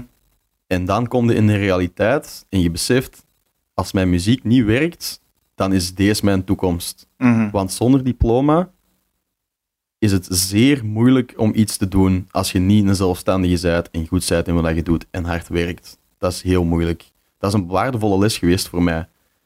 En ik weet gewoon, en sommige mensen zijn daar, die kunnen dat, ik kan dat niet. Sommige mensen kunnen functioneren in een arbeidersjob en, en daar heel veel voldoening uit halen, maar ik ben echt niet zo ingesteld. Ik heb echt die uitdaging nodig van mijn muziek. En ja, toen ben ik beginnen werken ehm, bij Nike en dan gestopt daar, want ik vond dat niet meer nice, omdat ik heb ook echt afwisseling nodig en dat is gewoon echt niet bij zo'n job. Mhm. En toen ben ik pak twee jaar lang in een spiraal terechtgekomen van interim jobs, waarin dat ik letterlijk alles heb gedaan. Maar alles. Als in, ehm, ik heb één week gewerkt bij een, ehm, een steenbakkerij. Theemakkerij, En toen alright. stond ik buiten op een plein ehm, paletten met bakstenen af te stapelen en terug op te stapelen op een ander palet. Acht uur per dag Goeie workout. in de kou. Mijn rug was dood. Zo waren de tweede dag dat ik daar aankwam, verbaasd dat ik de tweede dag nog was komen opdagen zelfs. Wauw. Ehm, bon, ik, heb, ik heb alles gedaan. Ehm, ja, man. Het lag ook wel voor een deel aan mij, omdat ik gewoon niet doorzettingsvermogen had om ergens te blijven werken. Gewoon Mhm. omdat ik wist van, deze is niet wat ik wil doen. Ehm, ik, ben, ik ben nog portier geweest op een bedrijf, waar dat ik eh, zo vrachtwagens ontving en inwoog op een brug en zo. En En allee, ik, heb, ik heb de meest uiteenlopende dingen gedaan. En dan tussendoor nog... Ja, Tussendoor, elke dag als ik thuis kwam, muziek maken. eh, tijdens het weekend boekings spelen en dan terugwerken. En Mhm. allee, dat was een beetje... Dat heb ik twee jaar gedaan. ehm, af en aan. dan kwam er zo'n punt waarop dat je dat zou kunnen afbouwen of zo. Of... Ja, er is op een gegeven moment begint de muziek dan goed te gaan. En dan had ik zoiets van, oké, het begint nu serieus te worden en nu moet ik doorpushen, dus ik ga halftijds beginnen werken. En dan de laatste job, de, de laatste jobs die ik heb gedaan was, ik heb nog een half jaar gewerkt, ehm halftijds, in een, ehm, in een ik heb, toen, toen werkte ik als kuiser, eh, kuis, kuisman, is dat een juist woord om dat te zeggen, Ik denk kuisman? van wel. Ja, ik heb eh, een half jaar lang eh, kan, een kantoorgebouw schoongemaakt elke dag. Uh, dus echt wc's kuisen en zo, met zo'n met zo'n jasje aan, met zo'n kerkje door dat gebouw elke dag kuisen. En dat vond ik kei nice, want ik begon pas om, ehm, ik begon pas om drie uur in de namiddag. Ehm, en tijdens de weekends niet, dus ik kon ook doorheen de week iets gaan doen. Excuseer. En dat was voor mij eigenlijk, ik vond dat eigenlijk een leuke job eigenlijk. Ik vond, allee, ja, ik vond dat wel nice. Ja, ik snap, ik, ik snap de Eh, appeal wel hoor. Ja, en ik kon ook mijn oortjes insteken. En dus ik kon keihard muziek luisteren en zo, terwijl ik bezig was. En dat was, ja, ik zeg het u, werken heeft mij altijd heel veel motivatie gegeven om mijn muziek blijven doorpushen. Mhm. En toen was ik, eh, toen was ik halftijds aan het werken, blijven muziek maken, pushen, pushen, pushen, wat ik altijd aan het doen was. En dan op een gegeven moment, de laatste job die ik heb gehad, was in Antwerpen nog. Dan heb ik, ehm, en dan begint, dan begint mijn 2020 jaar. Ik werkte ehm, als courier voor een, een Antwerps labo, die ehm, bloedstalen deden en zo. En een labo dat bloedanalyses deed, basically. Ook, allee, niet alleen bloed, ook echt zo urine en Mhm. uitwerpselen en... Nou, misschien dat jij al wel eens een keer een van mij hebt vervoerd dan. Ja, ja, ja. Ik heb... ik heb... Ja, ja, ja, ja, die herinner ik mij nog. Yoshi, die was Ja. groot en bruin. Ik heb, ik, heb dingen, ge- ik heb dingen gezien en geroken. Ah, Ja, bon. Ik, vertel, eh, vertel maar meer. Hoe, ja, hoe was de textuur? Hoe... ik, eh, mijn, mijn job was dus ehm, om elke dag een, een vast aantal dokters en, en ziekenhuizen en praktijken langs te gaan, stalen ophalen, naar het labo brengen en dan meehelpen uitladen en zo en Mhm. sorteren voor... Bon, ik werk daar en ehm, ineens is het maart, coronatijd. Ik heb, ik heb toen legit nog met die... eh, Was jij toen nog bezig met je... eh? ja, ja, ja, ja, toen werkte ik daar nog. Ja, Want toen waren er al twee van de drie tracks uit. Yes, yes, yes, yes, yes. Dat was ook het laatste stadium eh, waarin dat ik nog werkte. Toen werkte ik daar ook halftijds. Ineens is corona daar. Ik heb nog met die eerste coronastalen rondgereden van die mensen dat toen in Brussel in dat militair hospitaal zaten. Zo die eerste vijf gevallen. En toen weet ik nog dat ik naar mijn ma belde en ik zei, ma, ik heb hier gewoon een coronastaal in de koffer liggen. Deze is crazy. Dat, was, dat waren zo de eerste die hier in België waren. Eh, Ehm, toen, dacht, toen dacht iedereen ook dat dat zo'n maand of twee ging duren. Dat was al crazy. Van, wow, we gaan twee maanden lang niks kunnen doen. Bon. ineens, eh, ineens is corona daar en dan ben ik blij dat ik nog kan werken. Het was ook redelijk druk wel zo, want ineens begon iedereen... Wij deden ook zo wat ver- verdeling van, van producten en zo. Je kon zo van die coronatesten kopen bij ons. Allee, bestellen als dokter Mhm. en dan wij moesten die keivel rondbrengen. Ehm, en het was best druk. Het waren, het waren heel veel dagen dat je zo dubbele shift werkte. Allee, zo dubbele shift, zo een dag van 10 uur, een dag van 11 uur, whatever. Dus het was best druk. Eh, en dan, eh, normaal gezien ging mijn contract verlengd worden in, eh, in mei, volgens mij. In mei ging mijn contract normaal gezien verlengd worden. En dat was goed, want ik had, ik had, eh, ik had nul inkomsten buiten die job dat ik nog werkte. En dat was allemaal halftijds. Dus dat was, ik had al niet superveel geld om, om, om rond te komen op die moment. mhm. En ineens is een datum daar in mei en mijn contract wordt niet verlengd. Ik zou denken met de corona, net... Dat dacht ik ook, maar er was toen blijkbaar een personeelshervorming om te besparen. En ik was de laatste die er was bijgekomen, dus ik mocht vertrekken. ja. Maar dan zitten daar wel in Antwerpen gehuurd een appartement. Je hebt geen inkomen van je, van uw draaien of van uw, van uw bookings. En dan staat er daar ineens En hoe heb je dat opgelost? Ehm, ik probeer nog altijd om dat op te lossen eigenlijk. Het is, eh, ik, ik ging toen net verhuizen naar, eh, naar waar ik nu woon. En ik heb, eh, ik heb een beetje proberen, geprobeerd om rond te komen sindsdien. Ik heb in eh, juni een merch drop gedaan van t-shirts, Mhm. eh, waar dat mistakes op stond. Wat heel hard is gegaan. Ik denk dat de eerste lading die ik had gedropt, dat die op een uurtijd Ja, ciao was. Dat was inderdaad een uur, ik heb dat ergens gelezen. Dat was echt crazy snel. Dat was heel snel. Weet jij nog hoeveel stuks dat, dat waren? Ehm, ik denk dat de eerste lading dat dat er 200 waren of zo. Dat is crazy veel, man. Ja, Dat is echt crazy veel, ja, daarom dat ik ook altijd zeg, dat heb ik nu heb ik ook al eerder gezegd, mijn, mijn supporters zijn de meest crazy bunch of motherfuckers die er zijn. Echt waar. Dat is echt mega nice. Die, die, de, de amount of support die ik krijg, de, de dag dat, ah, dat heb ik nog niet kunnen vertellen, de dag dat Where I Belong dropte, was er op middernacht stipt dat die plaat online stond, gelijk 400 man aan het luisteren. Gewoon 400 man wakker gebleven om die plaat te checken. En ik, ik, heb, ik heb 300 plus DM's gekregen op Instagram. Ik heb die, ik, dat, dat is ook iets wat ik probeer altijd te doen, al mijn DM's beantwoorden. Mhm. No matter what, dat is gewoon, hè, omdat ik dat gewoon een vorm vind van respect naar de mensen die je supporten. Gewoon, iedereen dat me die een avond een bericht heeft gestuurd, of mij gedacht heeft, gewoon gestuurd van, yo, merci om te supporten, ik apprecieer het, ik weet niet waar. En dat vind ik iets super belangrijk. maar dus die t-shirts verkopen de eerste dag uit, en dat was voor mij ook wel zo van, oef, ik kan nu wel even langer voort of zo. Ja, ja. Want mijn Dat- spaarrekening heeft ook gewoon een einde. Snap je? Ja, ik ben al, ik ben al een, een jaar bijna ondertussen echt op spaarcenten aan het leven. En Mhm. op, op geld dat ik, dat ik bij elkaar krijg met bijvoorbeeld Spotify of met een keer merch te verkopen. Het probleem is, ik sta daar ineens in mei zonder job. En toen heb ik beslist van, alright, nu is het moment om fulltime te gaan. Slechtste moment ooit, hè. Ja, ik was ook juist aan het denken van, hmm, Ja. timing kan dat beter. Ja, ja, sowieso. Maar ik, had, ik heb altijd tegen mijn eigen gezegd, toen ik nog bij de labo werkte, als ik nu stop met werken, werk ik voor de rest van mijn leven geen dag niet meer voor een baas. Mm. En ik had zoiets van, weet je joh, het is nu heel moeilijk, maar nu is het moment. Ik weet niet waarom, hè, dat is echt, als een objectief bekeken is dat echt super dom. Maar ik had zoiets van, alright, Je moet Let's- dat niet let's go fulltime. bekijken. nee, let's go fulltime gewoon.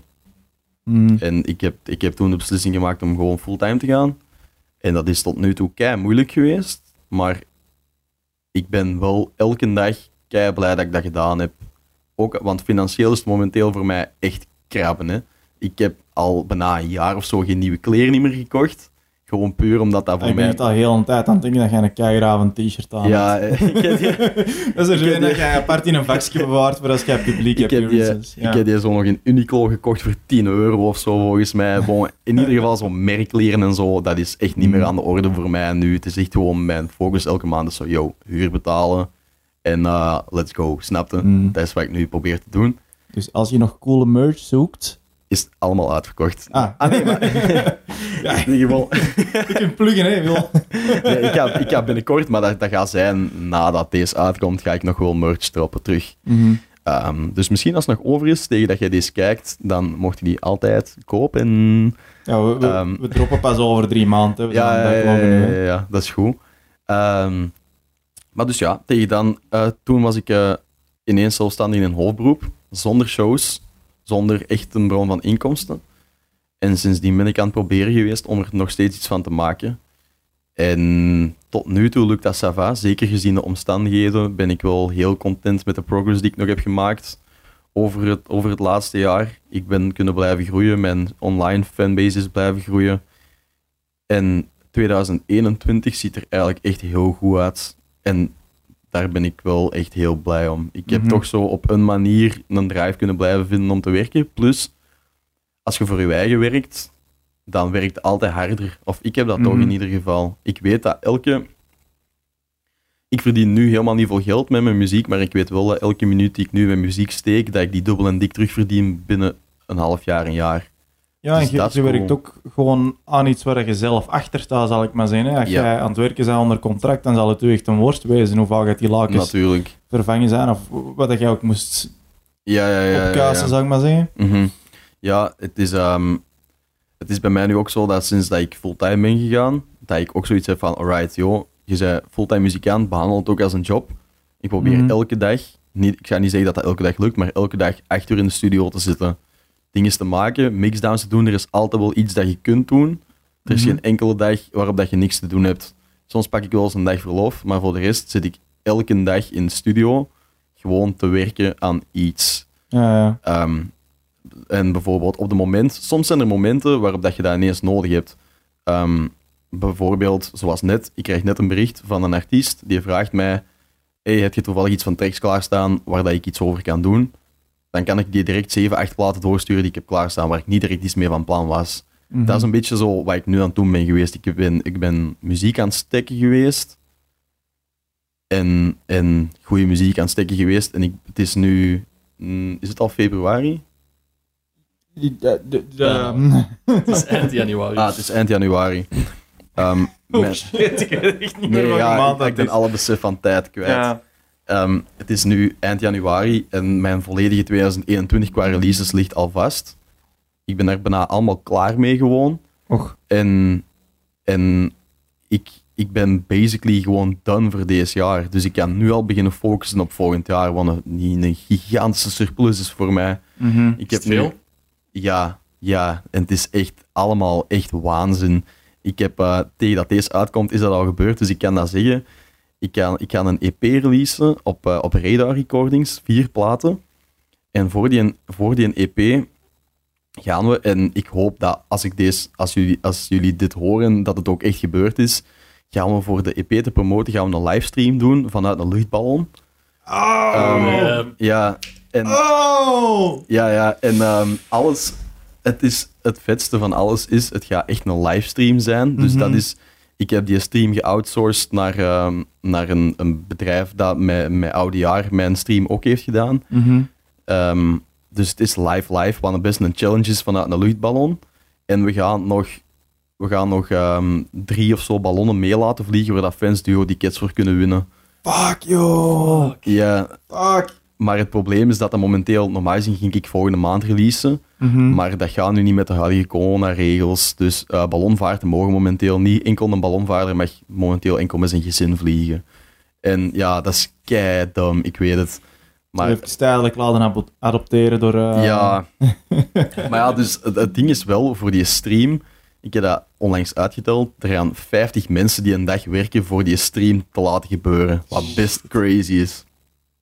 Ehm, en eh, dat is. daar, ja, dat is dus misschien onbeleefd om te vragen, maar dat is toch wel een zeer stevige investering van u uit ook, zal ik Ja, zeggen. maar het is, het is niet van mij uit. Ah, dus, ja, het is, wordt eh, eh, bijgestaan. Ja, ja het is, ehm, er was een initiatief van, van de Vlaamse overheid voor Ah. terug geld in de evenementensector in circulatie te brengen. Ja, ja. Zodat ehm, het heet, ik moet zien dat ik het juist zeg, het Vlaamse eh, Cultureel Fonds of zoiets. Ja, het is zoiets. Ik heb er ook al van gehoord, Ja, maar dat is eenmalige, eenmalige activiteitenpremie heet het volgens mij. Ja, dat, dat is vooral zo voor eenmalige livestreams. Yes, yes, Echt voor- specifiek daarop, ik heb ook Yes. gehoord dat dat op is. Ja, maar die van mij is Dat goed. Ja, ja. Dat is al gebeurd, dat van u. Nee, nee, nee. dat nee, is al goed. Ja, ja, ja, ja, ja, dat is goed gekeurd. en- Dus toen dat daar is dat... nog iemand over bezig, van oké, net te plannen en dat geld is Ja, ja, ja. Dus toen dat, dat, toen dat, dat er was, belde mijn manager mij direct. Die zei, Eh, nu uw dossier maken. En, en dan moest, moest ik op een dag zelf met een idee komen. En ik wou dat al lang wel doen eigenlijk, zo'n stream. En uiteindelijk heb ik gewoon één telefoontje gedaan naar die dude van die livestream. Yo, kun jij dat doen? Ja, geen probleem. Alright, Mhm. let's do it. En sick. ik, ik probeer altijd te zien naar zo what's next. En met zo'n ballonstream, dat lijkt mij super vet om te doen. Ik heb dat nog maar één keer gezien gebeuren dat iemand anders dat heeft gedaan. Dat was op zo'n een techno, techno-kanaal op YouTube, dat heet Circle. En dat was zo'n set die vanuit een luchtballon werd gespeeld op zo'n ballonfestival in Turkije. Tussen Alright. de bergen. Met een zonsondergang. Super vet. Echt niet normaal. Hey, Q-Dance ook niet zoiets gedaan? Of wie was het? Of een of ander Dat weet ik, niet. festival? ik weet wel dat een basebrain van plan is om een helikopter te gaan livestreamen. Ja, ja, ja, ja, ja. Niet pikken, hè. Nee, nee, nee, maar ah, wel, het, cra- het meest crazy ding was, toen, dat, toen dat wij aan het bellen waren naar ballonmaatschappijen voor dat te vragen, zei die dat er al iemand was die ook had gebeld met exact hetzelfde idee. Ah, dus dat kan gebeuren soms gewoon. Dat, Ik weet het, maar wij dachten van, ah, we hebben echt het idee. Maar volgens mij, die hebben geen offertes gevraagd, dus zij gaan niks doen. Maar bon, in ieder dat is geval... gewoon medisch polsen en Gulle wil er gewoon voor gaan. Ja, ja, ja. ja ik, ik, ik, als ik een idee heb, wil ik daar altijd all the way voor gaan. Mm. Ehm, en dan ja, ehm, dat gaan we hopelijk doen. Er zijn wel veel alsen, want de regels van corona moeten ten eerste toestaan. En het- als het niet voor eind maart mag, dan gaat het ook niet meer gebeuren. Mhm. En de dag zelf is er nog steeds 25% kans dat we niet gaan kunnen doen, omdat het weer het niet toestaat. Dus Ja. daar, zijn, daar een aantal variabelen in. Maar dat is iets heel cool dat we gaan doen. Zeker omdat je dan zo defense kunt meepakken in die luchtballons. Dat lijkt mij super leuk om te doen. Zeker omdat je die dan zo'n beetje iets extra kunt geven dan dat je normaal gezien kunt doen. Sowieso, Plus dat is fucking nice. Dus dat is echt heel vet. Ehm, wat heb ik nog gepland voor 2021? Eh, ik heb samen met eh Boe, dat is een Engelse artiest, hebben wij een remix gemaakt van eh, DJ Fresh Gold Dust. Wat een van de bekendste drum and bass platen ooit is. Dat is een plaat die ook al 12 jaar oud is. Echt een dikke classic. Ehm, daar hebben wij een remix van mogen maken, wat echt huge is. Heel fijn dat ik ook mee op dat project mocht, want ehm, dat is gelijk als ik zei, Mackie G, dat is zo iemand die, die niet keert om hoe groot dat je bent. En Boe is ook zo iemand. Dat is iemand die momenteel in drum in Engeland echt aan de top staat. Iedereen wil met hem werken, dat is een van de grootste namen. En dat is ook zo iemand die echt gewoon met je werkt omdat je een goede artiest bent. En die heeft ook toen tegen mij gezegd van, hey, wil je mee op dat project springen? Die had dat niet moeten doen. Die had perfect zelf die remix kunnen maken. Die had er miljoenen streams mee gepakt. Die heeft toen tegen mij gezegd, wil je dat meedoen? Dat soort mensen, dat is onbetaalbaar. Dat is, dat, ik heb daar heel veel respect voor. Dus die remix komt er nog aan. Ehm, wat heb ik nog dat ik kan zeggen? Eh, goh, ik ben, ik ben ook een beetje, een beetje bezig met ehm, soms ook zo andere dancegenres te verkennen. Ik, heb, eh, ik ben zo wat 128 bpm stuff aan het maken, zo house, wat achtige dinges, Mhm. um, techno-achtige dinges. Ik ben zo eens aan het zien of dat ik dat niet ergens kan releasen. Ehm on the side gewoon, dat moet natuurlijk geen main ding worden. Ehm, Is uw... is... Gaat Rampage volgend jaar u terugvragen? eh, is er al iets over geweten? Die hebben wel gezegd dat ze dezelfde line-up gaan nemen. Dus Ja. dat is al toch al één teleurstelling, eh, één geruststelling. Oh, Rampage, bro. nee, nee. Dat, is, eh, dat is heel fijn.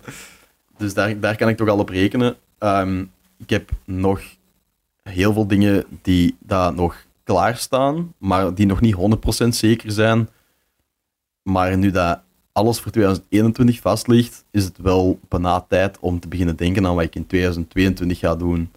En dan begint het wel echt heel juicy te worden, maar dan zijn we heel afhankelijk van wanneer dat er terug festivals en zo gaan zijn. Ja, ja. Want als, als ik bijvoorbeeld ehm, ehm, over een album of zo begin te denken, moet je zien dat je dat op een tactische moment dropt. En, en ook gewoon zien dat het 100% ready is. Want als ik een album Mhm. of zo zou doen, dan wil ik echt wel dat dat zo iets speciaals is, of weet ik veel. Want ik, er is een heel, ik weet 100% zeker als er, als er terug evenementen zo gaan zijn, dat er heel veel artiesten gaan zijn die een album hebben klaarstaan. ja, ja. Ja. Maar ik wil geen album hebben dat een random verzameling van, van 12 scraps die je bij elkaar hebt geplakt of zo. Het moet echt een verhaal achter zitten. En Ja. zoals met die Airbnb dat ik heb gedaan, Mhm. wil ik dan liefst zo een keer een maand of zo in een of andere hut in de Alpen of zo gaan zitten. Om daar muziek te schrijven, dan dat ik dat allemaal in mijn eigen studio doe of zo. Ik weet niet. Dat, Ja, ja. Nee, nee, maar dat snap ik helemaal. Nou, Heb jij voor uw EP eigenlijk al een thema dat je kunt teasen? Of? Ehm, ja, tegen dat, tegen dat deze uit is, dan is mijn EP ook al uit. Het, is, Ja, fair enough. het, is, eh, het zijn vier platen gewoon die helemaal anders zijn. Het zijn echt hier, vier heel verschillende platen. Er is, ehm, er is één heel mellow plaat bij waar ik, waar ik zing. Er is, Is dat, één... is dat Liquid? Ja, dat is Ah, Liquid. ik ken drum and bass ja, ja, ja, ja. Eh, dat is Liquid. Eh, dat is een plaat waar dat, die, die echt al wel redelijk oud is, maar waar, dat mijn, waar dat mijn fanbase achter blijft vragen. Dus ik had zoiets van, oké, ik ga die eindelijk release, ik heb die deftig afgewerkt. Dan ehm, is er één plaat die, die ik toen in de Airbnb heb gemaakt, die ehm, heel vet is, vind ik. Zo rock meets, meets drum and bass, super vet. Alright. Dan... ehm, Ook iets Eh, met vocals erover of gewoon ja, ja, ja, ja, ja, ja, ja, ook sowieso. Met de, de rockplaat heeft eh, vocals van mij. Dan is er één plaat die een beetje een tribute is aan de early days van drum and bass, waar ik naar luisterde vroeger, zo UKF 2009, 2010. Beetje die vibes. En dan de laatste plaat is zo echt een, een jump-up anthem. Dat ik vond het belangrijk om een beetje balans te brengen. Maar eigenlijk is die EP... Eigenlijk is die EP het begin van alles wat nog moet komen. Want er staat echt zoveel op de agenda. En zit, er zit zoveel in de lift. En, en, en opportunities die eraan zitten te komen. Dat ik gewoon... En daar ben ik heel blij om. Ik weet, als deze achter de rug is, dat, dat ik echt skyrocket kan gaan. Maar het hangt er allemaal een beetje vanaf van hoe hard ik nu werk. En daarom dat ik nu echt gewoon keihard aan het werken ben. Omdat Ja. ik gewoon 100% weet dat alles wat ik nu doe, dat dat zich 100 dubbel terugbetaalt als deze achter de rug is. Dus geloof er 100% in, man. Ja, ik ging, ik ging net afsluiten. Merci om mij te reminden. Ik ging echt net zeggen, ja, maar ik geloof er 100% in. En we gingen zo echt mooi overgaan. Maar ja, nee, merci om mij even uit de flow te halen, jongen. Ja, nee, nee, goed. Ik wil nog eten vandaag. Ja, we, we gaan nog kebab bestellen. lekker, lekker, lekker. Nee. Yo, Used. Eh, Maar ik ik geloof er. Wat, hè? zou gewoon even kebab bestellen en dan nog even verder gaan. Nog even verder, verder gaan. Sure. Ik moet nog iets doen. Welk? Ah, Als- ja, juist. We moeten nog iets doen. Oh, ik had dat bekend vergeten. Oké, we gaan rap even kebab bestellen Yes. en dan gaan we dat doen. Gaat dat nog lukken? Het is 20 voor 10. We gaan het nu bestellen. Uit. Goed, ehm, dan komen we aan aan het laatste segmentje. En dat is eh, ik die u 10 vragen ga stellen. Oké, Waarin dat jij zo gewoon het eerste wat in je opkomt moet zeggen. oké. Favoriete artiest. Eh, Netsky. Favoriete nummer. Hmm, oh, dude, dat mag je echt niet aan mij vragen. Dat is illegaal. Eh, Wat is het eerste dat je nu opkomt? Gelijk nu zeggen. ehm, oh, dude, nee, nee, nee, nee, nee, nee, nee, nee, nee. Eh, Of doe het voor je. Ehm. nee, nee, nee, nee. Top 3, top 3 wil ik geven, maar ik, word, ik Ja, krijg kom, echt geef- zware anxiety van deze vraag. Ge geef een top 3. Ehm Netsky Secret Agent, Ardalan, I Can't Wait, Celtic. Mm, Celtic Kingdom Comes. Alright, alright. Favoriete album.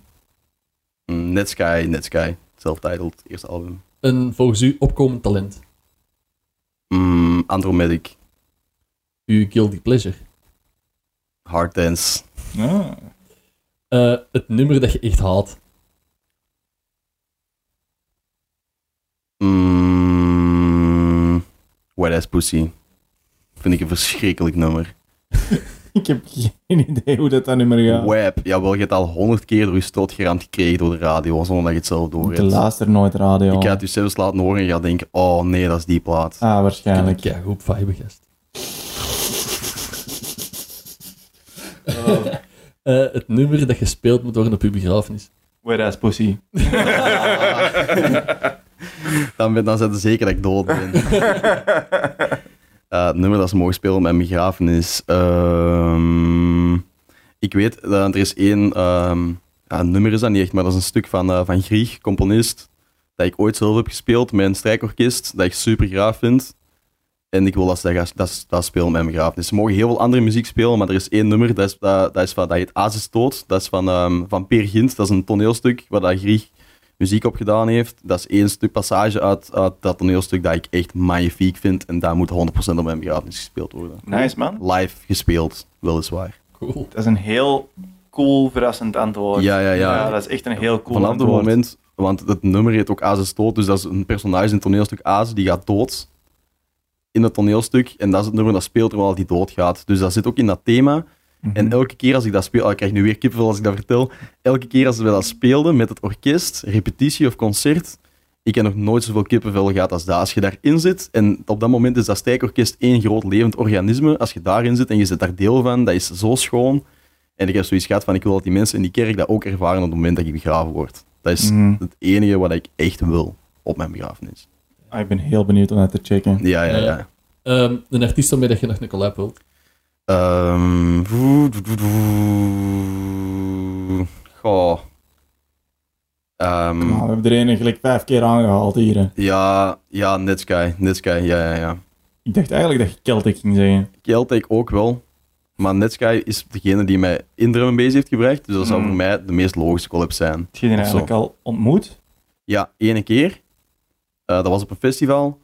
Ik, ehm, dat was op eh We Are Electric. In, eh, dat is bij Eindhoven ergens. In- ja, Mm. het bestaat nu niet meer, maar bon. En was hij starstruck? Eh, ja, ik kan, in- ik, ik kan u eerlijk zeggen, ik zou, als ik nu zelfs in een lift zou staan en Drake stapt in die lift, dan zou dat mij geen hol boeien. Maar de eerste keer dat ik Netsky zag in het echt, toen op dat festival, stond ik daar te trillen op mijn benen, dat Mm. niet normaal was, omdat dat gewoon, die dude heeft zo, zoveel voor mij betekend, zowel muzikaal als, als artiest, basically. Dat dat voor mij echt heel spannend was om die te ontmoeten. Ik heb daar ook gewoon tegen die, ik heb toen gezegd van, joh, je vijf minuutjes tijd. En dan heb ik gewoon keizwaar fanboyd en een foto gepakt. En dan sindsdien, ja, die volgt mij dan op Instagram. Ik heb die dan zo, ik heb die legit al wel een keer gestuurd voor een collab, maar dan laat hij mij zo op scene staan. En dan is dat weer zo aan, alright, I'll try again next year. dus ja. ehm, Ehm, het nummer dat jij zingt onder de douche. Mm, eh, goh. Ehm, Skepta. ehm, mm, ehm, Bullet from a Gun van Skepta. Kleine passage misschien? Nee. dan ben ik, da- da- als ik onder een douche sta, dan ben ik helemaal een UK gangster. En daar heb ik heel die plaat mee als ik een UK gangster ben. Dat is best funny. Eh, Nice. En dan wat dat je nog wilt bereiken. Mm. Wat wil ik bereiken? Ik wil de, ik wil de allergrootste worden. De, de fucking biggest of the world. Dat is wat ik wil worden. Ja, serieus? Ja, Nice. ja, ja, ja. Ik, heb, ik, ben, ik ben fucking ambitieus. En als ik, eh, als ik kan blijven doorhusselen en als ik, als ik mijn plafond niet bereik, dan blijf ik gewoon doorgaan tot ik een allergrootste ben in de wereld. 100%. Goed man. Het enige leuke is om erachter te komen waar dat je plafond zit. En dat is de, dat is de hele journey, I guess. Dus eh, dat wordt leuk om te zien hoe ver dat kan geraken. Maar zo- sowieso zoveel mogelijk. Ik ben nooit content. Altijd blijven doorwerken. Nice. Ben benieuwd. Go get it man. Mhm. Oeh ja, dat was het.